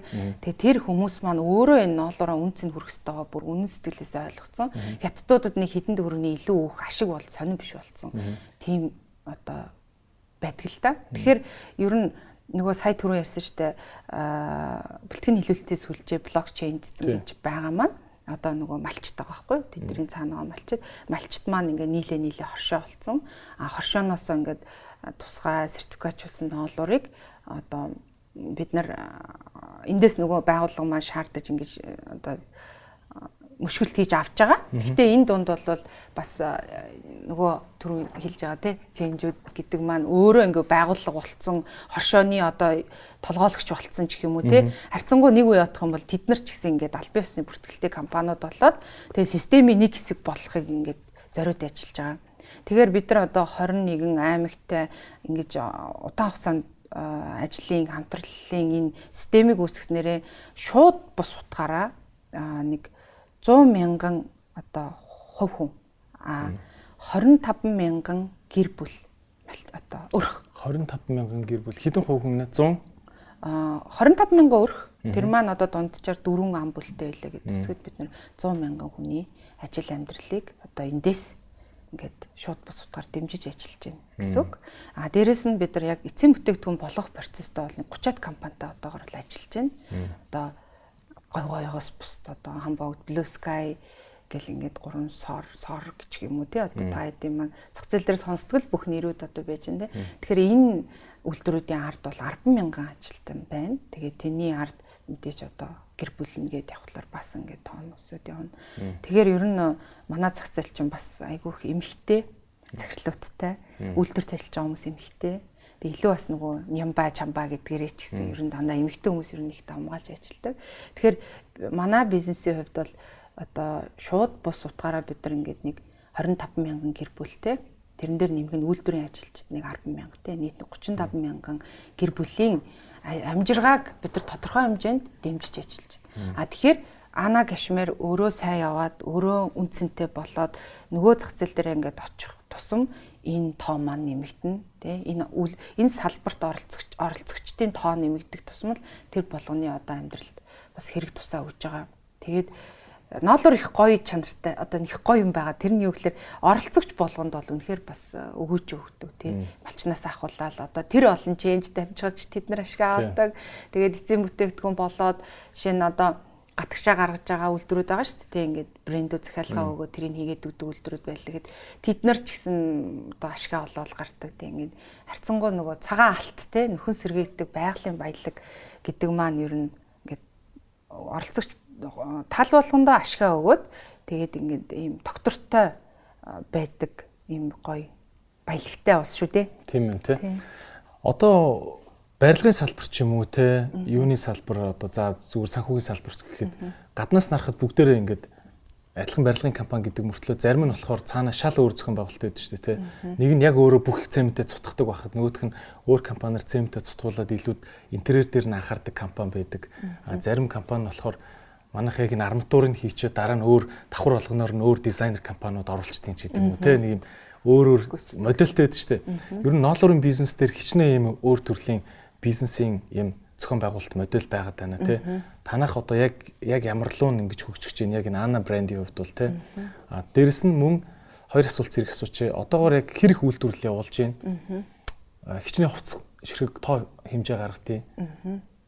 Аа тийм Кашмир дотор бол нэг их үйлдвэрлэлийн олон модель бол баг харьцангуй одоо барилга антрыг бодвол тий. Тэгтээ яг одоо анагийн хувьд бол юу гэхээр бид нар үйлдвэрлэл өөрсдөө хийхгүй бусаддаа боломж олгоно. Одоо өнөөдөр олсон ашгаараа ингээл нэг машин аваад маргааш нэг машин аваад тэгжсэнад үл хөдлөх хөрөнгө барил те. Тэг нөгөө банкуд тийм шаарддаг. Заавал үл хөдлөхтэй байж зээл авч гэх юм уу те. Тэг ингээд иймэрхүү энэ модель рүү жишээ бид манай Монголын одоо ихэнх үйлдвэр тэгж ажилдаг учраас бид нар бол тэр зах зээлийг булаацалтаж тэгж болохгүй. А илүү бид нар бол цэвэр маркетинг төвтэй. А мэдээж түүхийн хэд бол бэлдүүлээд авчиж байна. Хоёрдугаар дизайнда төлбөрөө төлж байна. Тэгээд илүү маркетинг төвтэй. Ерөөсөө дизайн маркетинг дээр чанар гурав дээр бид нар хамгийн их фокуслж ажилладаг. Тэгэхээр бусад энэ бүх процессоо бусад үйлдвэрүүдэд хийлэгдэг. Тэгээ одоогор бол 30-аад компанитай ажилласан байна. 30-аад үйлдвэрүүд. 30-аад үйлдвэр. Тийм. Одоо жижиг олон үйлдвэр гэдэг юм. Ер нь 120 шүлжих үйлдвэр байдаг. гэсэн тоо байдаг. Тэгээд одоо хоёр машинтай ч гэсэн үйлдвэр шүү дээ, тий. Тэгээд яг харцангуй одоо энэ шүлжих машин бол бас үнэтэй. Японы засгийн газрын тусламж, Германы засгийн газраас ч юм уу авдаг. Тэгэхээр ер нь энэ 120 үйлдвэр байна. Тэгэхээр бид нар тэдний 30-тай нь ажиллаж байна. Тэгээ одоо өнгөрсөн жил одоо ингээд нийт хугацааг нэг 2 жил шахах хугацааг харахад бид нар 700 гаруй сая төгрөгийг цэвэр ажлын хөлсөнд төлсөн байна. Тэгэхээр цаашдаа одоо манай бүтээгдэхүүний тоош ирэхийг одоо энэ ковид үе өнгөрчлөө одоо бид нар яг зорсон одоо аль аль зах зээлд гарах бүх ажлуудаа ингээд хийгээд эхэлж байна те. Энэ болгонд тоошрыг нэмэгдэнэ. Тэрийг дагаад манай бүтээгдэхүүн үйлдвэрлэлийн тоо нэмэгдэн төлөх төлбөр маань нэмэгдэнэ. Тэгэхээр бол бид нар салбартаа бол харьцангуй хамгийн шинэ модель а дээрэс нь бас айгүй хүнлэг те бүх салбарын оролцогчдоо оролцуулсан. Гэхдээ бүгдээр нь ашигтай ийм модельээр ажиллаж байгаа. Аа танаа борлуулалтын хэдэн өв нь дотоодоос байна, хэдэн өв нь гадагшаа авч байна. Гадаадаас авч байгаа хүн та нарыг яаж олж аваад ах шиг байна? Та нарын одоо pop up store дээр чинь очиод тий лангуун дээр ч очиж аваад энэ эсвэл ингээд Монголд амар хайртай хуучин Монголд байдаг байсан хүн болж таарад аваад энэ үеинд нэг юм худалдаа авалтан дээр зүй тогтол ажиллаж байна уу? Аа гадаад дотоод бол бид нар нийт борлуулалтын 30% борлуулж байгаа. Гадаад бол 70% борлуулж байна. Тэгэхээр яг одоо үндсэн худалдаа авагч нараа харахаар одоо Монгол ноолуурыг одоо лотед байлаа гэж бодъё тий. Тэгэхээр Монгол ноолуурыг мэддэг, хэрэглээ сурцсан. Тэгээд харцсангуй ингээд санхүүгийн боломжтой хүмүүс ингээд шууд худалдаа авалт хийх юм байна. Тэгэхээр тэрийг бол жишээ нь бид нар яг ямар зах зээлийн хэн орж авчуд эндээс бол мэдэх боломжгүй. Гэхдээ яг нөгөө юу зарагч байгаагаар ингээд ажиглахлаар тий илүү их тийм үнэтэйнүүд нь зарагч байгаа хгүй тий дундаж энэ зүгээр пүл овер энэ төр бол зарагдах нь айгүй баг ч юм уу тий. А тэгээд мэдээж онлайнаар бол айгүй хандлтууд орж ирдэг одоо манай Instagram, вебсайт, юу WhatsApp гэдэг юм уу тийм шууд шууд ингээ гадных их орж ирдэг. Тэгээ одоо бас нэг үе бодвол Instagram ч бүр өөрөө борлуулалтын тэгээ бүр фэшн дэмжсэн платформ болчлоо. Бараг бид нар вебсайт хэрэггүй болчихлоо шүү. Тий шаардлагагүй те зүгээр Instagram-аа ингээ нөгөө банкны асуудлаа шийдчих юм бол ер нь Instagram нь баг илүү шулуухан тэгээ бүр илүү ингээ бэлэн зах зээл болчихж байгаа байхгүй тий. Аа ноолорон дээр үнэтэй энтер гэхээр ер нь бид нар бол ноолуурн дээр ер нь баримжаа муутай шүү дээ. Манай дотооддоо хэрэглэгчд маань ч гэсэн яг тийм амар үнэтэй ноолуурн дээр очиж авдаг айл байдсан болов би сайн мэдэхгүй байна. Үнэтэй ноолуур гэхээр хэд хичнээн төгрөгийн долларын байхаар үнэтэй гэж тооцож байна те. Яг үнээр нь ер нь ноолуурыг ингэж дотор нь ангилдаг юм байд юм одоо машинд тийм ойлголт өгдөг шүү дээ те. Бүр ингээм амар ламбо мамбо байдаг. Гэхдээ доор нь бас Porsche энэ төр бас үнэтэй. Ингээ хуудаг шүү дээ. Ноолуурн дээр яаж хуудаг?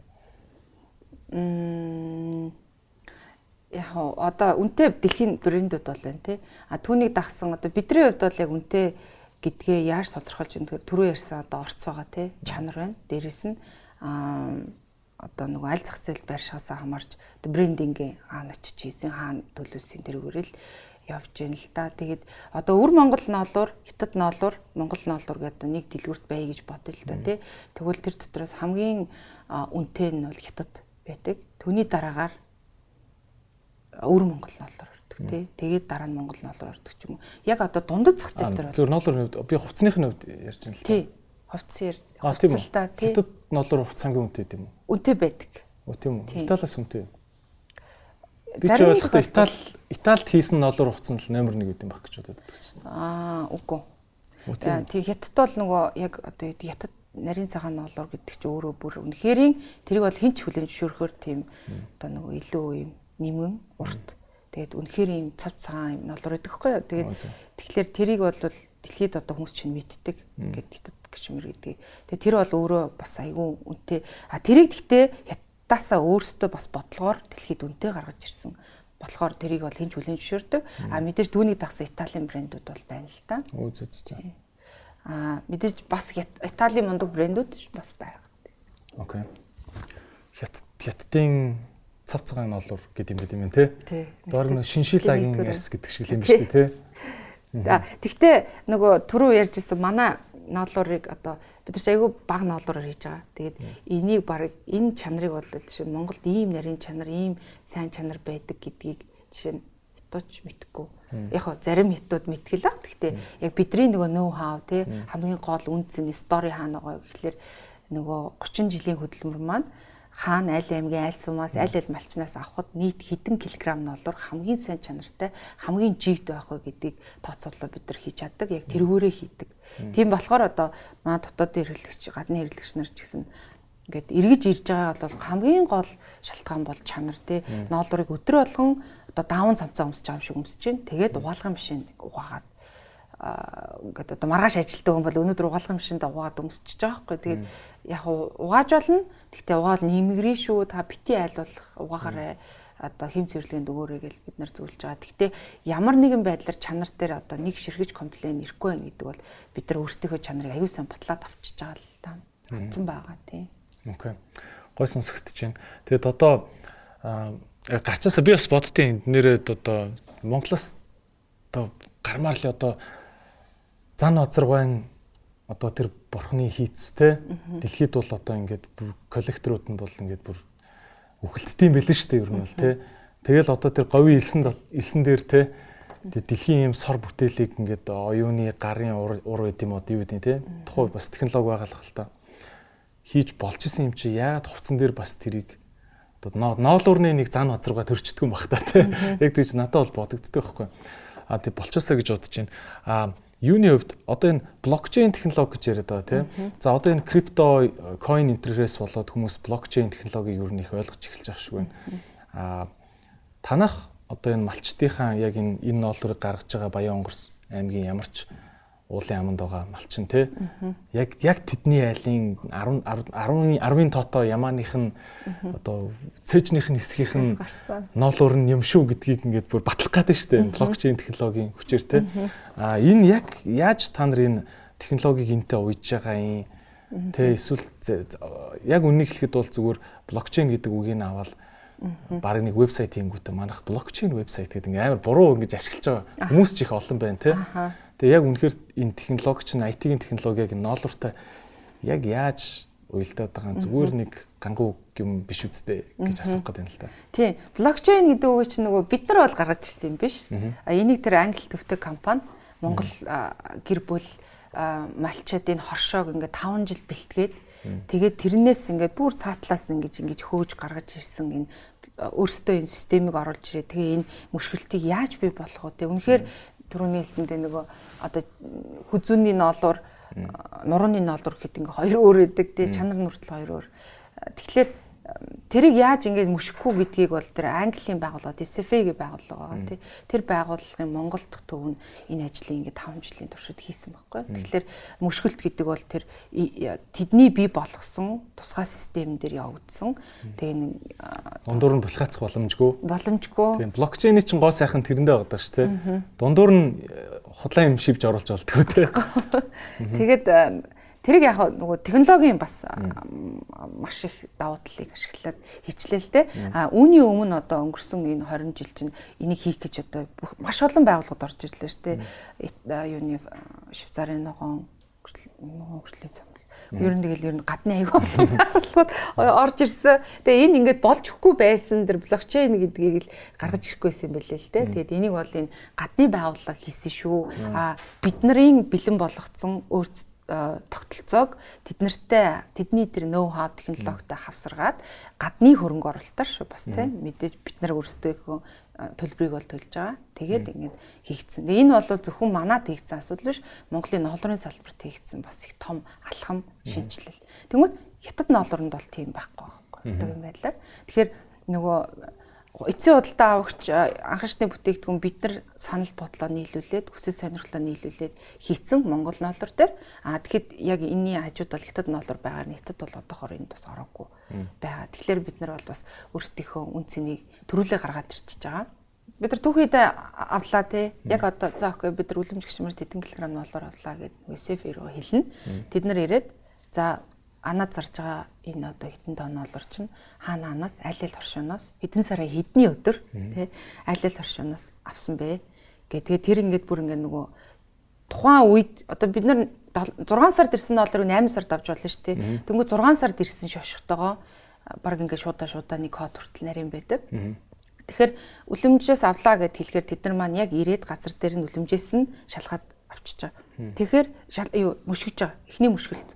Аа тэгээд ээжэд дараагийн процесс самсан холроо утас болгуулна. Тэгэхээр утас болгох үйлдвэр дээр аваачаад байршуулгангуудаа за бид нар утас болголоо гэхээр тэд нар маань дахиад ирээд за ямар ямар үйлдвэрийг тий ямар ямар тоног төхөөрөмж хэрэглэж хідэн тонн олорыг ямар бүтээгдэхүүн болгож гаргаж ирж байна. Энэ үйлдвэр өөрөө ямар стандартыг хангасан бэ гэдгээ бас нөгөөтгөө давхар сертификатжуулаад давхар ингээ бүртгэж.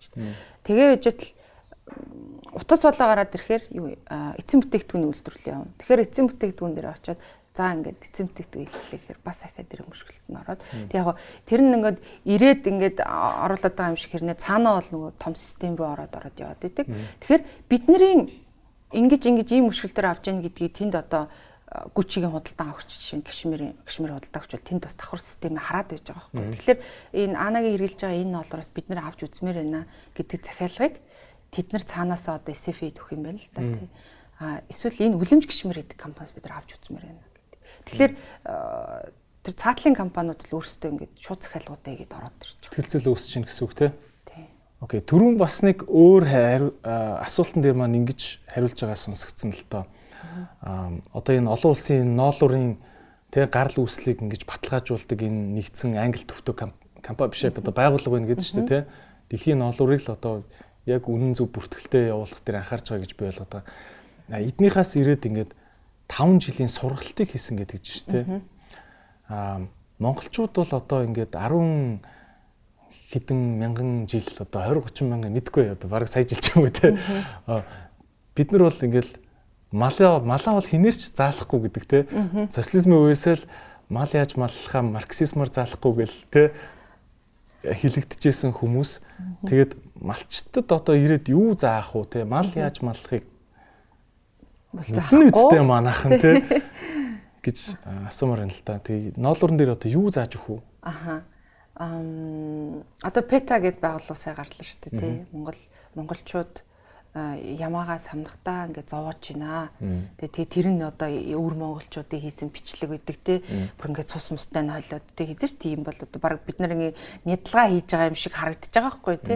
Тэр болохоор хятадууд санхүүжуулаад пета хийгээ тэгээ тэнд нөгөө жишээ нь одоо тэр байна л та ингээд дэлхийд бол юу гэж ойлгодог гэхээр одоо монголчууд ингээд ямаагаа зовоож нолороо авдаг. Тэгээ тэгэхээр энэ бол sustainable fiber биш ээ гэдэг. А гэтэл монголчууд бол тэгдэггүй те. Аргал нэг ирэх хүүхдээ хайрлаж байгаа юм шиг л ямааг бол бүр тэгж өсөгдөг. Бүр яг дураар нь байлгадаг те. Тэгээд самнахтаа ч гэсэн нэг тийм цовоогоо л орилуулад байх юм байхгүй. Ямар ч өөрөө орилоод байдаг те. А тэгтээ цаагаар бол нөгөө амар халууцаад байгаа тэр юмыг л аваад өчөж байгаа шүү дээ. Намар болох хавар болохоор тэгээд намар энэ чи эргээд нөгөө цагаа гараад байгаа буцаад урагчж байгаа юм шүү дээ. Дулаан байхын тулд тэгээд ийм процесс хийгддэг байтал яг нөгөө 5 жил яагаад сургасан бэ гэхээр таны энэ ямаа тэд нар өөртөө судалж байгаа юм л да. Үнэхээр зовгоод байд юм уу гэхээр үгүй. Тэгсэн ирнэ ингээд яагаад цаана юм асуудал үүсээд байна.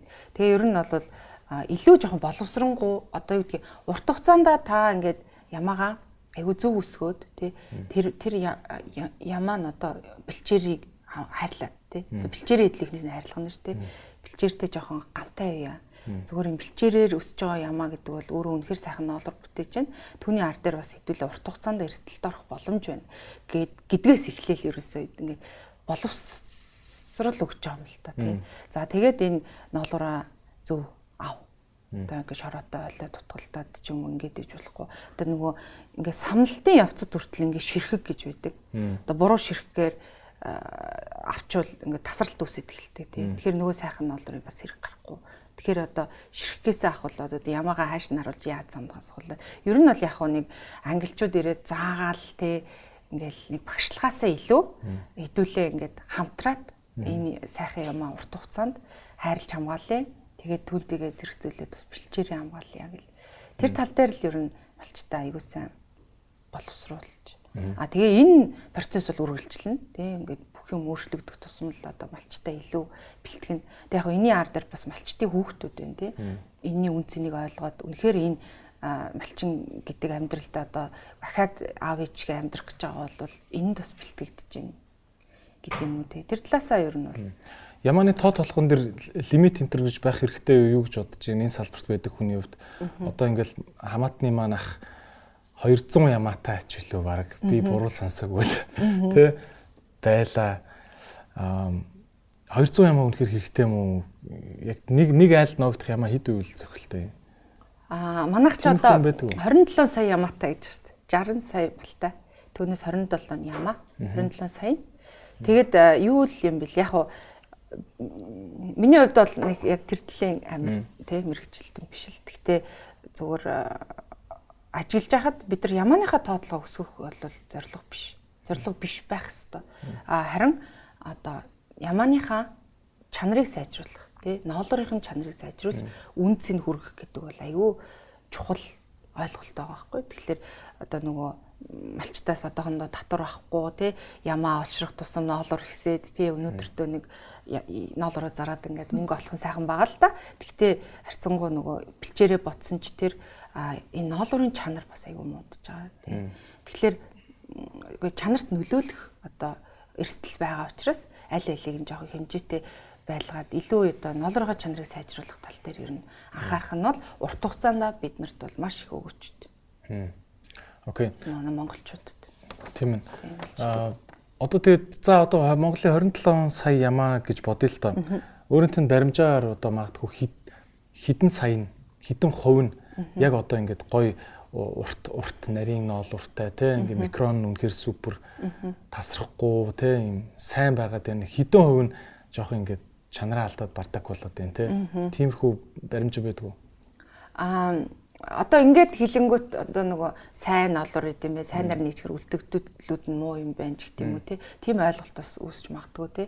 Тэгэхээр бидний ярьж байгаа тэр сайн олор одоо бүр нарийн гэдэг байгаа бол бараг нийт олорын 1 2% сэтрэхгүй баггүй юу. Тэгэхээр түүний үлдсэн одоо 90 хэдэн хувь шүү дээ. Тэр бол бас муу гэж бол хэлж байгаа юм биш. Тэн дотор бол сайнтай муутай байна. Гэхдээ эцсийн бүтээгдэхүүн болгож байгаа чанар бол одоо айл брэнд яаж ашиглаж байгаа нь те үнэхээр масс хийх гээд орц багтай зүгээр юм хэрэглээний бүтээгдэхүүн хийх гэж байгаа бол бас тийм амар супер чанарч бас хэрэггүй те тэгэхээр юу хийх гэж байгаасаа хамаарат чанарууд ингээ өөрчлөлттэй явдаг а манай ноолор чинь ер нь нэг тийм бүр нэг ингэ хэрэггүй болцоо одоо наад хэсгийг ерөөсөө аваад хайчих гэсэн юм бол багхгүй шүү дээ. Бүр ингээд бүр бүдүүн олор байлаа гэхэд тэрүүгээр одоо одоо тэмээнээс өнжил гэж ярьдаг шүү дээ. Тэрэн шиг тийм зузаан юм гадуур өмсдөг одоо гадуур хэрэгэлдэг одоо мишокны гадна талч гэдэг юм уу те тийм юм гадны хэрэг гадаа хэрэглээний бүтээгдэхүүн хүртэл хийчих болох байхгүй. Тэгэхээр нийт ноолор маань сайн муу гэхээсээ илүү ингээд хэрэглээний зорилтууд нь өөр. Тэгэхээр бүхэл хэрэглээ нь ингээд зорилт зорилтоос амар ашиглаж болно. Окей. За одоо Анна брендийн хувьд эсгүүр, эсгэлт ч юм уу одоо тэр загвар өмсгөлийн хувьд ямар философик баримталдаг вэ? Одоо за пижакн дээр бол ингээл англи эсгүүртэй те эсвэл итали сартурил хувцс гэхэр юм өөр байдаг нэр. Би бас мартчихжээ те. Тэгээ нэг юм нэг юм философи байт юм л шүү дээ те. Танах тэр ямар хүн байгаа вэ?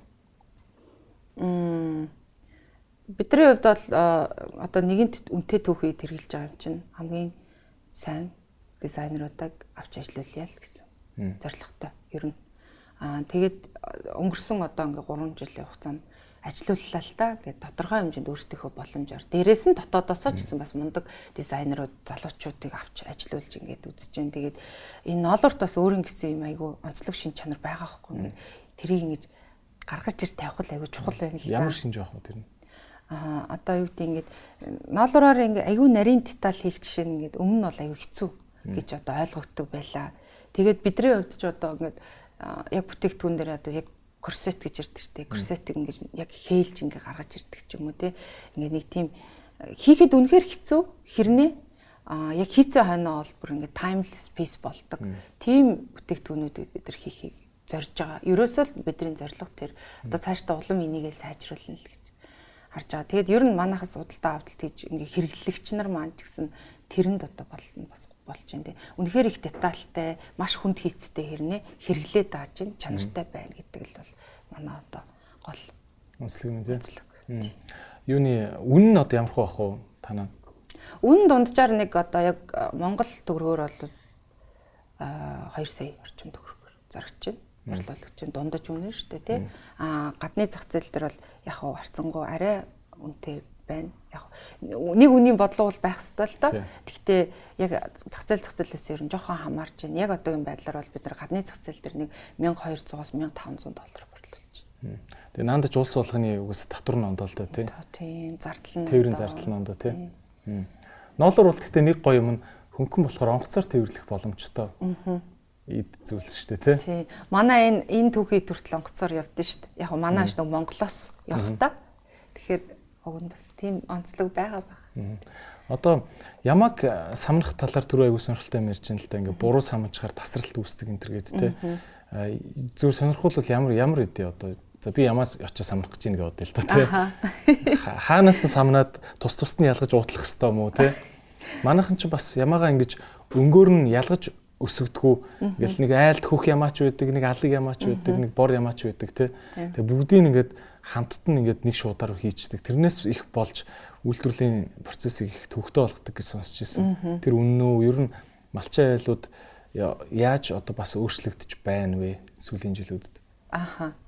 Тэгээ одоо яг ингэж сам тэгин гээд ингэж хэлхээсээ илүү ерөнхийдөө одоо түрүү хэлсэн нөгөө гадна SFA маань ядчилтэй ялгас авж байгаа нь олоор ингээ ялгаа ялгаа хийчихээж гэдэг юм уу аа ингээд бүтээгдэхүүний анхаарчдын боловсролд орохоос өмнө ингээд хялгсын аягүй сайн салгаач гэдэг юм уу тийм ингээд тодорхой хэмжээнд дэвшилтүүдийг л бол аягүй сайн хийгээд л байгаа. Тийм өөрөө яг хизээ хамгийн сүүлд ямаа самлалтан дээр ер нь очсон. Өстө мэдгүй.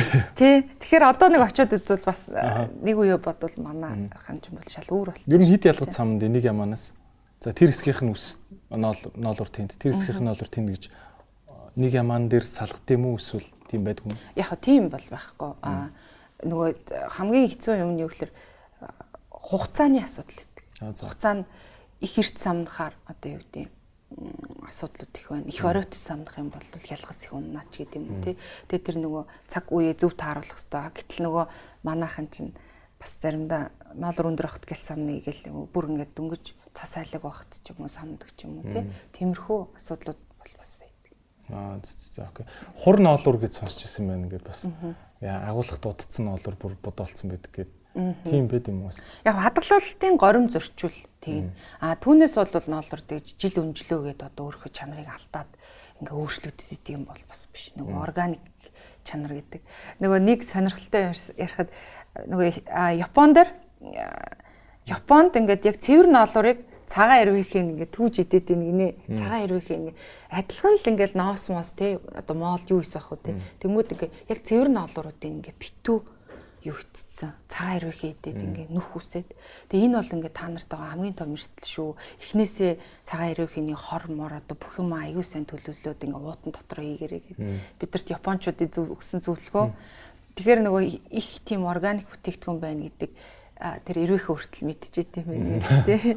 Тийм үү тий. Тэгэхээр тэр их онцлог одоо органик шин чанар нь бол энэ бүтээгдэхүүнийг тийм одоо ямар нэгэн химийн хорл ороогүй бол энэ бол ингээд эзэж гэж муудад сайдаад чанараа алдаад ингээд байх бол бүтээгдэхүүн биш.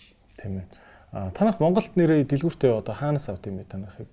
Манайхыг одоо шоурумээр л авд шүү дээ. А энэ те. Тий, энэ шоурумдээ тэгээд бид нар бол өөр салбар нээх одоо тийх ямар сонирхолгүй. Тэгээ ер нь одоо манай борлуулалт бол 70% нь онлайнаар явчихна. Оо зү зү. Тий. Одоо 100% онлайн болох бас. Тэгээ ковидын бас нэг одоо сайн тал их наашин тий. Ковид гэдэг муухалтай тий. Харин Гэтэ онлайн ингээд болсон одоо бидний хувьд бол бас дэвшилттэй. Ингээд нэгэн технологитой бид нар холбогдох хэрэгтэй. Одоо бүр ингээд бүтээгдэхүүний чанарыг юу шууд ингээд 90 градусаар зургийг аваад E-lab гэж байна тий. Тэрлэгөө шууд зураг оруулангууд л энэний ингээд хийцэл нь эндээс ийшээ хүртэл хідэн тойрог явсан хэдэн сантиметрийн энд ямар алдаа гарсан байна гэдэг бүх юмыг шалгадаг болчихж байгаа байхгүй. Тэгэхээр бид нэр одоо одоо ийм дэлгүүр оршуутай байх ер нь бол нэг их шаардлагагүй. Ер нь онлайн руугаа төвлөрөх нь бол зөв л гэж болох. Тийм. Нэр алдаа гэснээс энэ нэхмэл бүтээгдэхүүн дэр алдаа үйлдвэрийн алдаа айгүйх гардаг гэсэн сонсч байсан. Энд тэнд ингээд утсан сүрдийцэн ч юм уу те ойдл мэдлэн яатсан задарсан ч юм уу те Тиймэрхүү юм одоо хэдэн өвтэй байвал окей гэж үздэг юм бэ тийм алдаг. Манай үйлдвэрүүд хэр сайн нэгж байна. Манай барак гэдэг лөө те бардак гэдэг лөө хэр гарч байна. Аа манай үйлдвэрүүд бол ерөнхийдөө бас нэг 20 гаруй жил бэлтгэгдсэн байна. Үнэхээр сайн тоног төхөөрөмж эзэмшсэн байна. Тэнийг дагсан ажилтнууд бүр бэлтгэгдсэн. Тэгээд одоо одоо яг чадварын хувьд те үнэхээр сайн болсон байна гэдгийг бол одоо өмнө нь бол бид нар мэдэхгүй л байна л та. Гэхдээ одоо ингээд бид нар экспортод гаргаад эхлэхээр ямар комментууд ирж байгаас харж харахад те ер нь бид нар бол ерөөсөө ингээд нэг хоцроод тутагдаад гологдоод байх юм бол ерөөсөө алга байна. А тэгвэл манай хувьд бол яг өөртөө шүлждэггүй гэдэг маань нэг бодлын бас эрсдэл харагддаг учраас энэ дээр бид нар юм хяналтын чанарын хяналтын баг ажилладаг. Тэгчнээ сайн түүхийд байлаа гэд амар супер зүгээр ямар ч хяналтгүйгээр гой бүтээгдэхүүн болоос гарчихгүй. Тэгэхээр бид нар эцсийн бүтээгдэхүүнээр бол маш өндөр чанарын хяналттай байлгадаг. Тэгээд одоо танаа хүмүүс гээд үйлдвэр дээр нь аудит их үү? Яа гэсэн вэ? Ер нь эхнээсээ ингээл дуустал бүх процессд л яг хяналттай оролцдог, тэмэрцтэй. Тэгээд одоо энэ e-lab-ыг л хурдан хэрэгжүүлээл гэж ер нь бодож байна. Одоо бол ингээд тий ингээд юм механик ажлууд хийгээд шүү дээ тий. E-lab нь яадаг гэлээ? E-lab бол ерөнхийдөө тэр үйлдвэр дээр одоо манай их загвар үйлдвэрлэгдлээ тий. Тэрийг одоо эндээс очиод химжээл, үзэл, нүх байна уу ингээд ингээд шалгаал одоо одоо л аюу механик ажил хийж штэ тий. А тэр E-lab бол одоо энэ Хонконг Японы компанид ашиглаж байгаа нь.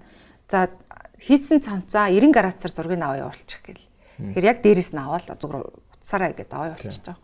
Тэнгүүд тэд нар авчиад E-lab-ийнхаа програм руу оруулчих. Тэгээд програм дээр ингээд бүтээгдэхүүний зураг орж ирлээ. Хажууд нь тооцооллын зураг орж ирж. Тэгээд програм өөрөө таньж эхэлж байгаа байхгүй юу? За энэ тооцоол одоо эндээс ийш 10 см байх хэрэгтэй энэ байна уу? Энд дэр алдаа үсч үү гэд. Тэгээ ингээд хоёр талаас нь таниа таниа явангууд энэ дэр алдаа үсч штэ. Тэнгүүд улаан гэрэлмэр ластдаг ч юм уу тий. Энэ юм алдаа нэг болдог. Тэгээ буцаагаад биднэрт ерөөсөө ингээд нэг 2 цагийн дараа хариу өгч байгаа юм чинь энэ энэ энэ энэ гэсэн нэгс энийг гяс засаад эргүүлээ явуулна уу ч юм. Тэр хийцэн алдааг бол ерөөсөө баг нөгөө юуны баг баг зураг зураг таньдаг технологи юм уу баг тиймэр софтверээр хянж штэ тий. Хүн хууч нөгөө инспектор гэдэг хүн ингээ хавч хаардаг гэсэн тэр ажлыг л автомат болгоцсон юм байна тий. Тэгэхээр нөгөө заавал хэдүүлээ нэг дор амьдрах ямар ч шаардлагагүй ингээ дэлхийн хаанч байсан байж болж байна тий. Зөвхөн энэ ил лабар л ажил явагдчихж байгаа. Тэгэхээр бид нар онлайн стор байх бас бүрэн болцсон байна. Окей. За одоо хоёлоо ер нь бол өнөөдөр би тэгтээ яг ноолуурал цэвэр бүр ярих гэж бодож ирсэн тий. Яг тэгвэл манай эх орны бас хамгийн чухал бүтээгдэхүүн мөртлөө бид нар бас ингээд нөгөө ийм гоё алтаа ингээд яг яг үнэхэр чулуу болгож чадахгүй юм шиг санагдаад байдаг байхгүй тий. Аа Uniqlo компани миний л санаж байгаагаар 3 4 жилийн өмнөөс ч юм уу ноолур руу орцсон тий гів гинтхэн. Аа ер нь бол хямдхан гэж хэлж болохоор үнэтэй одоо олон нийтэд зориулсан хамгийн универсал хувцснуудыг хийдэг брэнд те. Аа тэд нар ноолуур руу оронгуудаа маш хямдруулсан шүү дээ. Ер нь Uniqlo-гийн ноолуурын цамц бол баг 30 доллар молор ч юм уу тийм би буруу санаг бол хямдруулж штэ. Энийг юу гэж боддөг вэ? Одоо ингээд том мөнгөтэй ийм компаниуд орж ирээд ноолуурыг бол зүгээр хямдах юм штэ гэдэг ийм PR хийж штэ тий. Энэ тал дээр ямар бодолтой байдаг вэ? Аа. Uniqlo яг анх ноолор хийлгэж эхэлж байгаад хятадын нэг нинша гэдэг одоо яг хятадын ноолор үйлдвэрлэгч хот байт. Тэд нар тэнд ингээ яг ийж эхэлж байхад нь таарсан бохгүй юу. Тэгээд зөвхөн Uniqlo-гийн хувцсыг хийх гээд одоо тухайн үеийг тэр дийл явж исэн юм шиг одоо 10 жилийн өмнө болчихлоо шүү дээ. Тэгээд ингээд бүтэн юм үйлдвэр баригдаад тэгээд битүү ингээд тоног төхөөрөмж тавиад тэгээд энд зөвхөн л одоо энийг массын үйлдвэрлэл явагдана гэд. Тэг яг Uniqlo гэж бид нарт хэлжсэн байхгүй. Тэгэл ээж ижил яг Uniqlo чинь кашмир зардаг болоод эхлээд Тэгээд тэр үйлдвэр дампуурсан хамгийн сонирхолтой. Үгүй зөөцсөн. Тэгээд тэр бол хятадын засгийн газраас маш том хөрөнгө оруулалттай үйлдвэр хийж байгаад тэгээд дампуурсан. Тэгээд бид нар ингээ гайхаад За яг Uniqlo-гоос болсон ч үгүй ч юм мэдгүй л те. Тэгтээ ер нь бол энэ нолрыг их хэмжээгээр тэг ингэж масаар үйлдвэрлэнэ гэдэг бол өөрөө ер нь баг боломжгүй л зүйл. Тэгээд яг хуу Uniqlo одоогор бол хийж чинь тэгтээ 35 доллар 40 доллараар бүтэж байгаа нолор бол тэг ёстой тэр мөшгөлтийн системээр бол хязгаарч орохгүй нолор л гэсэн үг. Өө зүз. Яг блокчейн дээр ингээд хайгаад үзэх юм бол баг байхгүй байх боломж биш юм биш үү? Тийм л юм шүү те. Ер нь бол байх боломжгүй л те. Гэхдээ яг хуу заавал нэг 100% гişмэр бах бас албагүй шүү. А хэрвээ үнэхээр энд тэр 15%-ийн нос ч юм уу те сэлг юу байдгийг тэрийг хямдруулах бүтээгдэхүүн орсон бол тэрийг зүгээр ил тодл ингэж харуулах хэрэгтэй байхгүй тийм. Тэрийг наадан бол аюу шүү дээ. Бүр 5% нь юу сэлг орлоо яасан модны бамбуу юу коттон орлоо гэдэг ингээд бүдийн эрдэнэ жишээ навчны утас утас тийм. Тэгэхээр тэр нь ингээд айгүй бас шудраг зүв байхгүй тийм. Аа одоо нэг кофег нэг юм Starbucks-ын кофег ингээд нэг задлаад харуулсан зураг байдаг шүү дээ. Энэ кофенд орж байгаа таны төлж байгаа тэр 4 4 доллар 99 цент ч юм уу те. Тэр чи яг яг хэдэн өв нь хинд очиж байгаа гэдэг нь үүдэж шүү дээ те. Байрны төрөөс 30%, ажилтны цалин 15% гэл ингээд яг кофений үр ингээд 10% гэдэг ч юм уу ингээд ангилсан байдаг шүү дээ те. Тэр шиг ер нь одоо ингээд за би ингээд аннагийн цам цавлаа гэж үтэй те. Яг хэдэн нь малчин дээр очтой ер нь. Аа Аа, ховчлж үзэх үлээ. За зүгээр баримжаагаар тий. Аа. Тэр ч одоо ноолор үнэл гэсэн үг зү. Тий. Яг хөө тэгэл дизайнерын үн үн гэл бах юм нэмэгдэн үст тий. Аа. За боли ер нь ер нь ноолор ноолорнаас тэгвэл тий. Хідэн үнийг малчин дээр өчтэй. Би малчтай амьдрал сайжрах нь үгүй гэж бодох гэдэггүй. Аа. Одоо манай борлуулагдж энийг зүгээр ярьж ярьж борлуулагдж байгаа үнээс нь гэсэн үг шүү дээ тий. Тэгэхээр түүхийн эдийн үнэл очиж шүү дээ. Одоо бүр нөгөө энэ энэ болоог байх та нөгөө түүхийн олор байх та. Гэтэ малчич юу н хамаг ихэнх ашиг авдаг хүмүүс шүү. Тэг чаддаг уу? Чаддаг. Ягаад тэгэхээр одоо за хэдүүлээ бодоод үзье. 1 кг ноолуур самсан ноолуур 120 долларын үнэтэй яг өнөөдрийн байдал. За. А тэгмүүд энэний түүхийн эд нь өөрөө 120 мянган төгрөг байгаа байхгүй. Аа. Тэгэхээр за 120 доллар чинь хэд үү? юугаар төгрөгөөр за за 300 гаруй мянга гэдэг. 360 арай 60 400 мянга тий. Тэгэхээр 120 мянга чинь зөвхөн түүхийн долларын өртөг байхгүй. 3-ны 1 юм байна тий. Тий 3-ны 1. Тэгэнгүүт тэрийг боловсруулад ийм болгочоод тий бид нар экспортонд аячид зарж байгаа үн чинь 120 доллар. Тэгэнгүүт яг үндэ бол энэ анхшны боловсруулалт хийсэн компаниуд нэг 5 5-аас 7 доллар ашиглалт килограмм дээр. Тэр бол угаасаа дэлхийд ингээд ойлгогдсон. Ил тод асуудал баг. А тэгэнгүүт малчид 120 мянган төгрөг авчиж байгаа. Тийм. Тэгэхээр энэ хэдэн доллар вүлээ? 40 хэдэн доллар тийм. 50 доллар. Тийм ээ. Тэгтээ малчид бол яг мэдээж зарлаг гарч байгаа.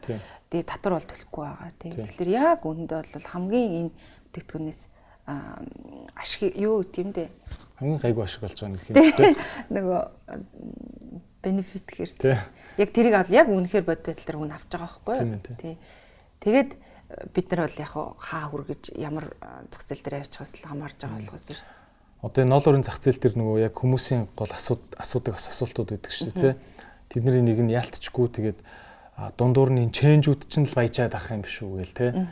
Энэ хэдэн ноолорыг гаргаж зардгууд нь л баяжаад байна. Яг энэ малаа өсгөж ингэж бүр хаврын авсарганд ингэж тий хэцүү ингэж гэр бүлэрээ ажиллаж байгаа тэр малчаа айлын амьдрал яг үнэхээр сайжирч байгаа мó гэдэг имийг л одоо ингэж ард түмэн гэлжүүл арай л улс төрч сонсогдох юм тий. Гэтэ ер нь монголчууд бүгд л тэгж асууж байгаа шүү тий. Гэтэ ер нь бол гайгүй юм байна тий. Гайгүй шүү. Нэрээ ингээд их тооцоод. Энэ бол яг бодит тоонууд. Окей. А тэгээ заримдаа малчи чинь 140 мянга хүрэх дээ. 160 мянга. Тэгэл малчи чинь ингээл захгүй гэл сууч дээ бас. Нөгөө яг сезоны үеэр бол Тэгээ яг ч бензинээ өрөөд ингээ хүрээд ирээ авах гэсэн байдаг гоо. Тий. Тэгэл ахаа өчөж тэгэл гойдог гэдэг шүү дээ. Тэгэнгүүт хідэн малчин хоорондоо нэлжэл. Одоо болоогүй арай болоогүй гэл ингээл гэж юм. Тэгэл ер нь бол малчид өөрсдийнх нь олор үнцийг хүрэх бол аягүй сайн мэддэг. Нөө зү. Ариун жаргал маань тэгээд ер нь л энэ ноолурыг гаргана гэдэг дээр ингээд фокуслж яваад байгаа тий. За өөр бас ажлын хажуугаар амжуулдаг юм байдаггүй. Өөр юу гэдэг вэ? Аа яг салбарынхаа одоо нас танхимын дээр идэх нас ноолрын холбоо Хятад Монголын зөвлөлийн тууцын гишүүн тэгээд WCD-гээ дэлхийн эмэгтэй захирлуудын холбоо юм. Тэнд бас Монголын төлөөлж байгаа эмгтэй захирлуудын төлөөллийн хэсэг. Тэнд одоо Боингийн захирал энэ төр гинэ ер нь Боингийн захирал яг эмгтэй захирлууд одоо дэлхийн том компаниуд эмгтэй захирлууд л байт юм билээ. Тэгээд одоо жилдээ нэг ч юм уу хоёр удаа ингээ уулздаг, хурал хуваалдаг гэсэн. Тэгээд оролцож моролцож бол үзээгүй л байна. Тэгээ одоо энэ жилээс явж оролцсон гэл. Тэгээ ямар ч гэсэн нэг тийм том нэтворк дотор байх бол яач үз ашигтай байдаг шүү дээ. Тэгээ одоо ер нь ингээ анзаараад хахад яг эмгтэй бизнесүүд энэ төр гэдгээр их юм бүлэрхдэг болчих тээ. Тэ. Аа гэдэг чинь аа одоо Азийн хамгийн ногоон эмгтэй захиралтай компаниудын зөвлөл гэдэг ингээ улам бүр нарийсаад нарийсаад тий. А энэ энэ нэтворкт ер нь яаж орсон бэ? А ер нь гадагшаага хэрэг хандлт авч байна тий. Гадагшаа яаж PR хийж байна? Зөвхөн ингээд инстаграмаар одоо рекламад татахаас илүү тий. Ямар бодлоготой явж байна гадагшаа? Аа бид нар Италийн нэг хідэн том экспонууд одоо юунууд бай тээ том комьюнитид байдаг. Тэгэхээр нөгөө ноолорын утасны үйлдвэрлэхэд л одоо хэдэн 100 гараа тэгээд бүр 1927 оноос хойш ч гэдэг юм уу тий дандаа ийм юм одоо ерөөсө 3 4 дэх үе дээр явж байгаа бизнесүүд ялангуяа яг текстилийн салбарт байдаг. Тэгээд тэд нартай ерөөхдөө маш их уялдаатай. Ер нь нэг юм найзууд болцсон. Тэгээд олон жил тэд нартай хамт үзлэн ярмаар явсаар байгаа. Тэгээд тэд нар маа түүх үедээ авдаг бид нар буцаагаад утсыг авдаг ч гэдэг юм ийм харилцаанаас эхэлсэлтэй. Тэгээд Италиуд бол яалчгүй бас энэ дээр ингээд өөртөө гэсэн маш том зах зээлтэй учраас өөртөө ер нь айгүй тийм мэрэгжлийн болцсон байт юм лээ. Тэгээд энэ тал дээр бол бид нар илүү найз нөхөдөөс илүү бас юм консалтинг үйлчилгээ авах тал дээр ажиллаж байгаа. Тэгээ одоо LVMH-ийн захирал гүйцэтгэх захирлаараа 11 жил ажилласан хүн жишээ нь ингээд манд одоо зөвлөх үйлчлэгээ үзүүлэхээ саналаа өгсөн байна л да. Тэгэхээр яг хуу түрүү хэлсэн тий нөгөө төлбөрөө төллөө. Тэгээд э, болчихно. Одоо цаашаа бол явах нь тодорхой болчлоо гэд. Тэгээд тэрэн дээр бол бид нар өөртөө чадах хэмжээгээр тодорхой хэмжээнд ер нь бол санхүүжилтуудаа хийгээд тэгээд э, гой гой төслөд хийж байгаа. Тийм ээ. Таах одоо хөрөнгө мөнгө босхгүй одоо юу гэдэг чинь гаднаас хөрөнгө оруулалт авах ч юм уу тий. Том бонд босгох ч юм уу. Тиймэрхүү мэх үү? Аха яг ноолорын салбарын дотроо бол иймэрхүү сонирхлууд аявих байдаг. Тэгээ одоо утасны үйлдвэрлэхэд танад хөрөнгө оруулж тэгээд түгээтэй бэлдүүлээч гэх юм уу те одоо манай үлэмжтэй ш тиймэрхүү асуудлууд байдаг. А бидний хувьд бол илүү тэртээ тэргүү технологи суурьтай холбогдож байна манай ноолорын үйлдвэрлэлийн салбар өөрөө. Тэгэхээр илүү бизнесээ ч гэсэн тэр тал руугаа те илүү технологи дээр суурилсан санхүүжилтийн хэлбэрүүдийг сонгох гэдэг юм уу одоо шин эрэнд түрүүн хэлсэн нөгөө Gen Z гарцсан тий бид нар зөвл бүтээгдэхүүнээ их гэдэг юм чинь шин эрэнд бид нар бас энэ шин санхүүгийн зах зээл дээр орж одоо энэ зах зээлд өөрсдийгөө туршлагажуулж явах нь бол ирээдүйд бас айгүй чухал болчлоо гэж бол харж байгаа. Тэгэхээр одоо үндэс одоо хуучин хэм маягаас бол жоохон татгалзээ л гэж байгаа. Окей. Одоо тэгээд шин цаг үеийн шин цаг үеч гэжтэй одоо тэгээд бас манайхны цаг үе болчлоо л доо тий. Одоо тэгээд нэг Gen Z энтер чинь их дүүнер байхаа болоод баг ингээд шууд мөр зэрэгцсэн худалдаа хүчнэр болчлоо шүү дээ тий. Аа эдний талаар ялангуяа гадаадд байгаа Gen Z бол бүр хүчтэй ах шүү дээ тий. Одоо юугаар гарч ирсэн нэг CNN-ээр ч л гарч ирсэн. 17 настай TikTok хийдэг охин хичнээн сая доллар болдог гинэ.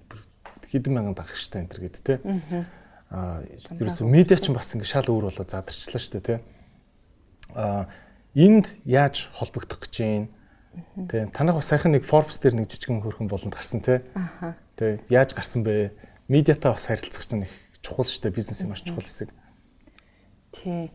Аа сая 10 21 оны 2 сард ер нь ийм шалгаруулалт болж байна гэдэг Монголын Forbes Bloomberg-ээс ингээд мэдээлэл өгсөн л доо. Тэгээд та нар ийм стартапууд орж байгаа юм биш үү тий. Тэгээ ковидын үед ингээд survive хийсэн гэж байгаа. Тэгээд team компаниудад шалгаруулалт явууч чинь ороод үзээч гээд. Тэгээ өө тгий тий үзээгээд тэгээд бид нар материалаа өгөөд ерөнхийдөө ярьцлага юмд ороод ингээд нэг үе шатуудын дамжаад тэгээд яг Монгол гişмэр дээрэс нь ковидын үед тэсэж өгсөн. Тэгээд яг бүхэл бүтэн бас салбараа төлөөлөөд явж байгаа гэдгээрээ 35 дэлхийн 35 орноос нэг нэг бизнес шалгаруулсан. Тэгээд тэрэнд нь манах шалгарсан. Тэгээд Forbes International дээр гарт юм билээ. Nice. Тэгээд тэрэндээ бас их юу баяр баяртай байгаа. Ягаад тэгэхээр тэрийг бол цаашаа ингээ 35 орныхаа харах байхгүй тий. Олон улсын хичнээн жижиг байсан ш тэр ингээл харагддаг гэдэг утгаараа бид нар ч ер нь жижигдэхгүй шүү дээ. Тэгэл том том сэтгүүлийн тий олон үзэгчд олон үзэгчд тэгээд хурж ийна гэдэг чинь тий. Тий. Тэгээд яг энэ мэтлэн бид нар ингээд аль болох чанартай маркетингийг цаг үедээ холбоод ингээд одоо боломж үйл ингээд бас хийх юмсан гэж бол аягүй зорж байгаа. Аа Lux TV гэдэг л үзэж штэ. Тэгээ зөвхөн лакшрыг сурчилсан. Fashion TV шиг тийм телевизэд үзтээ тий. Тэгээ одоо интерьерэл гэхэд л хамгийн лакшри компанийг одоо нэг бүр ингээд бүх салбараас явдаг. Тэгээд тэн дээр бас бид нар саналаа аваад ерөнхийдөө нөө нодны өвөл орох гээд бас чадаагүй. Тэгээ энэ жил яг шинэ жилийн үеэр тэр шинэ жилийн үеэр бүр айгүй гоё болтой юм лээ. Тэгээ тэрэн дээр бас ингээд оролцохоор болцсон контентөө бол бэлдээд өгсөн байж байгаа. Тэгэхээр одоо шинэ жилийн үеэр цацагдах байх. Вау. Окей.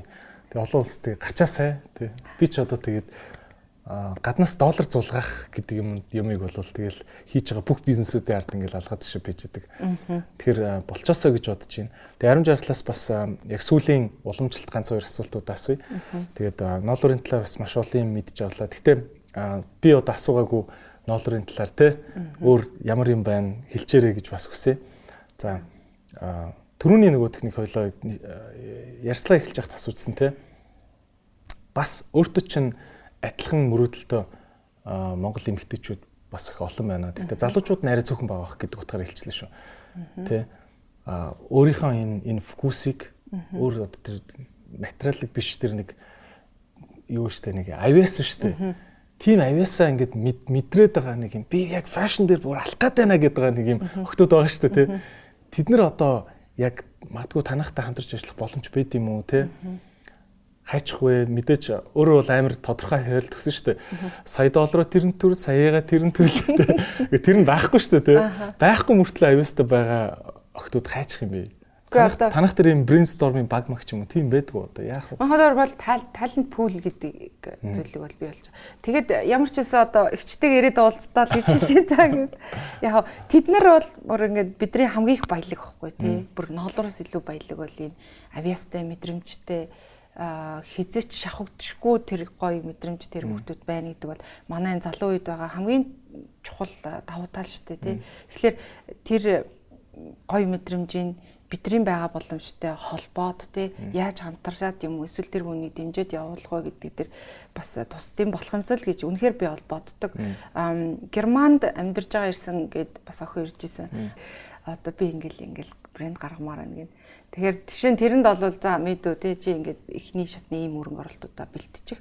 Тэг чинь энэ миний ч чамд ингээд за за зааварлаад үгүй. Чи ямар ч үс эхний ээлж нь гараад тий тэгээд авахгүй. Би ингээ гарчих юм бол манай найзууд угаасаа л надад надад судалтаа тавчин.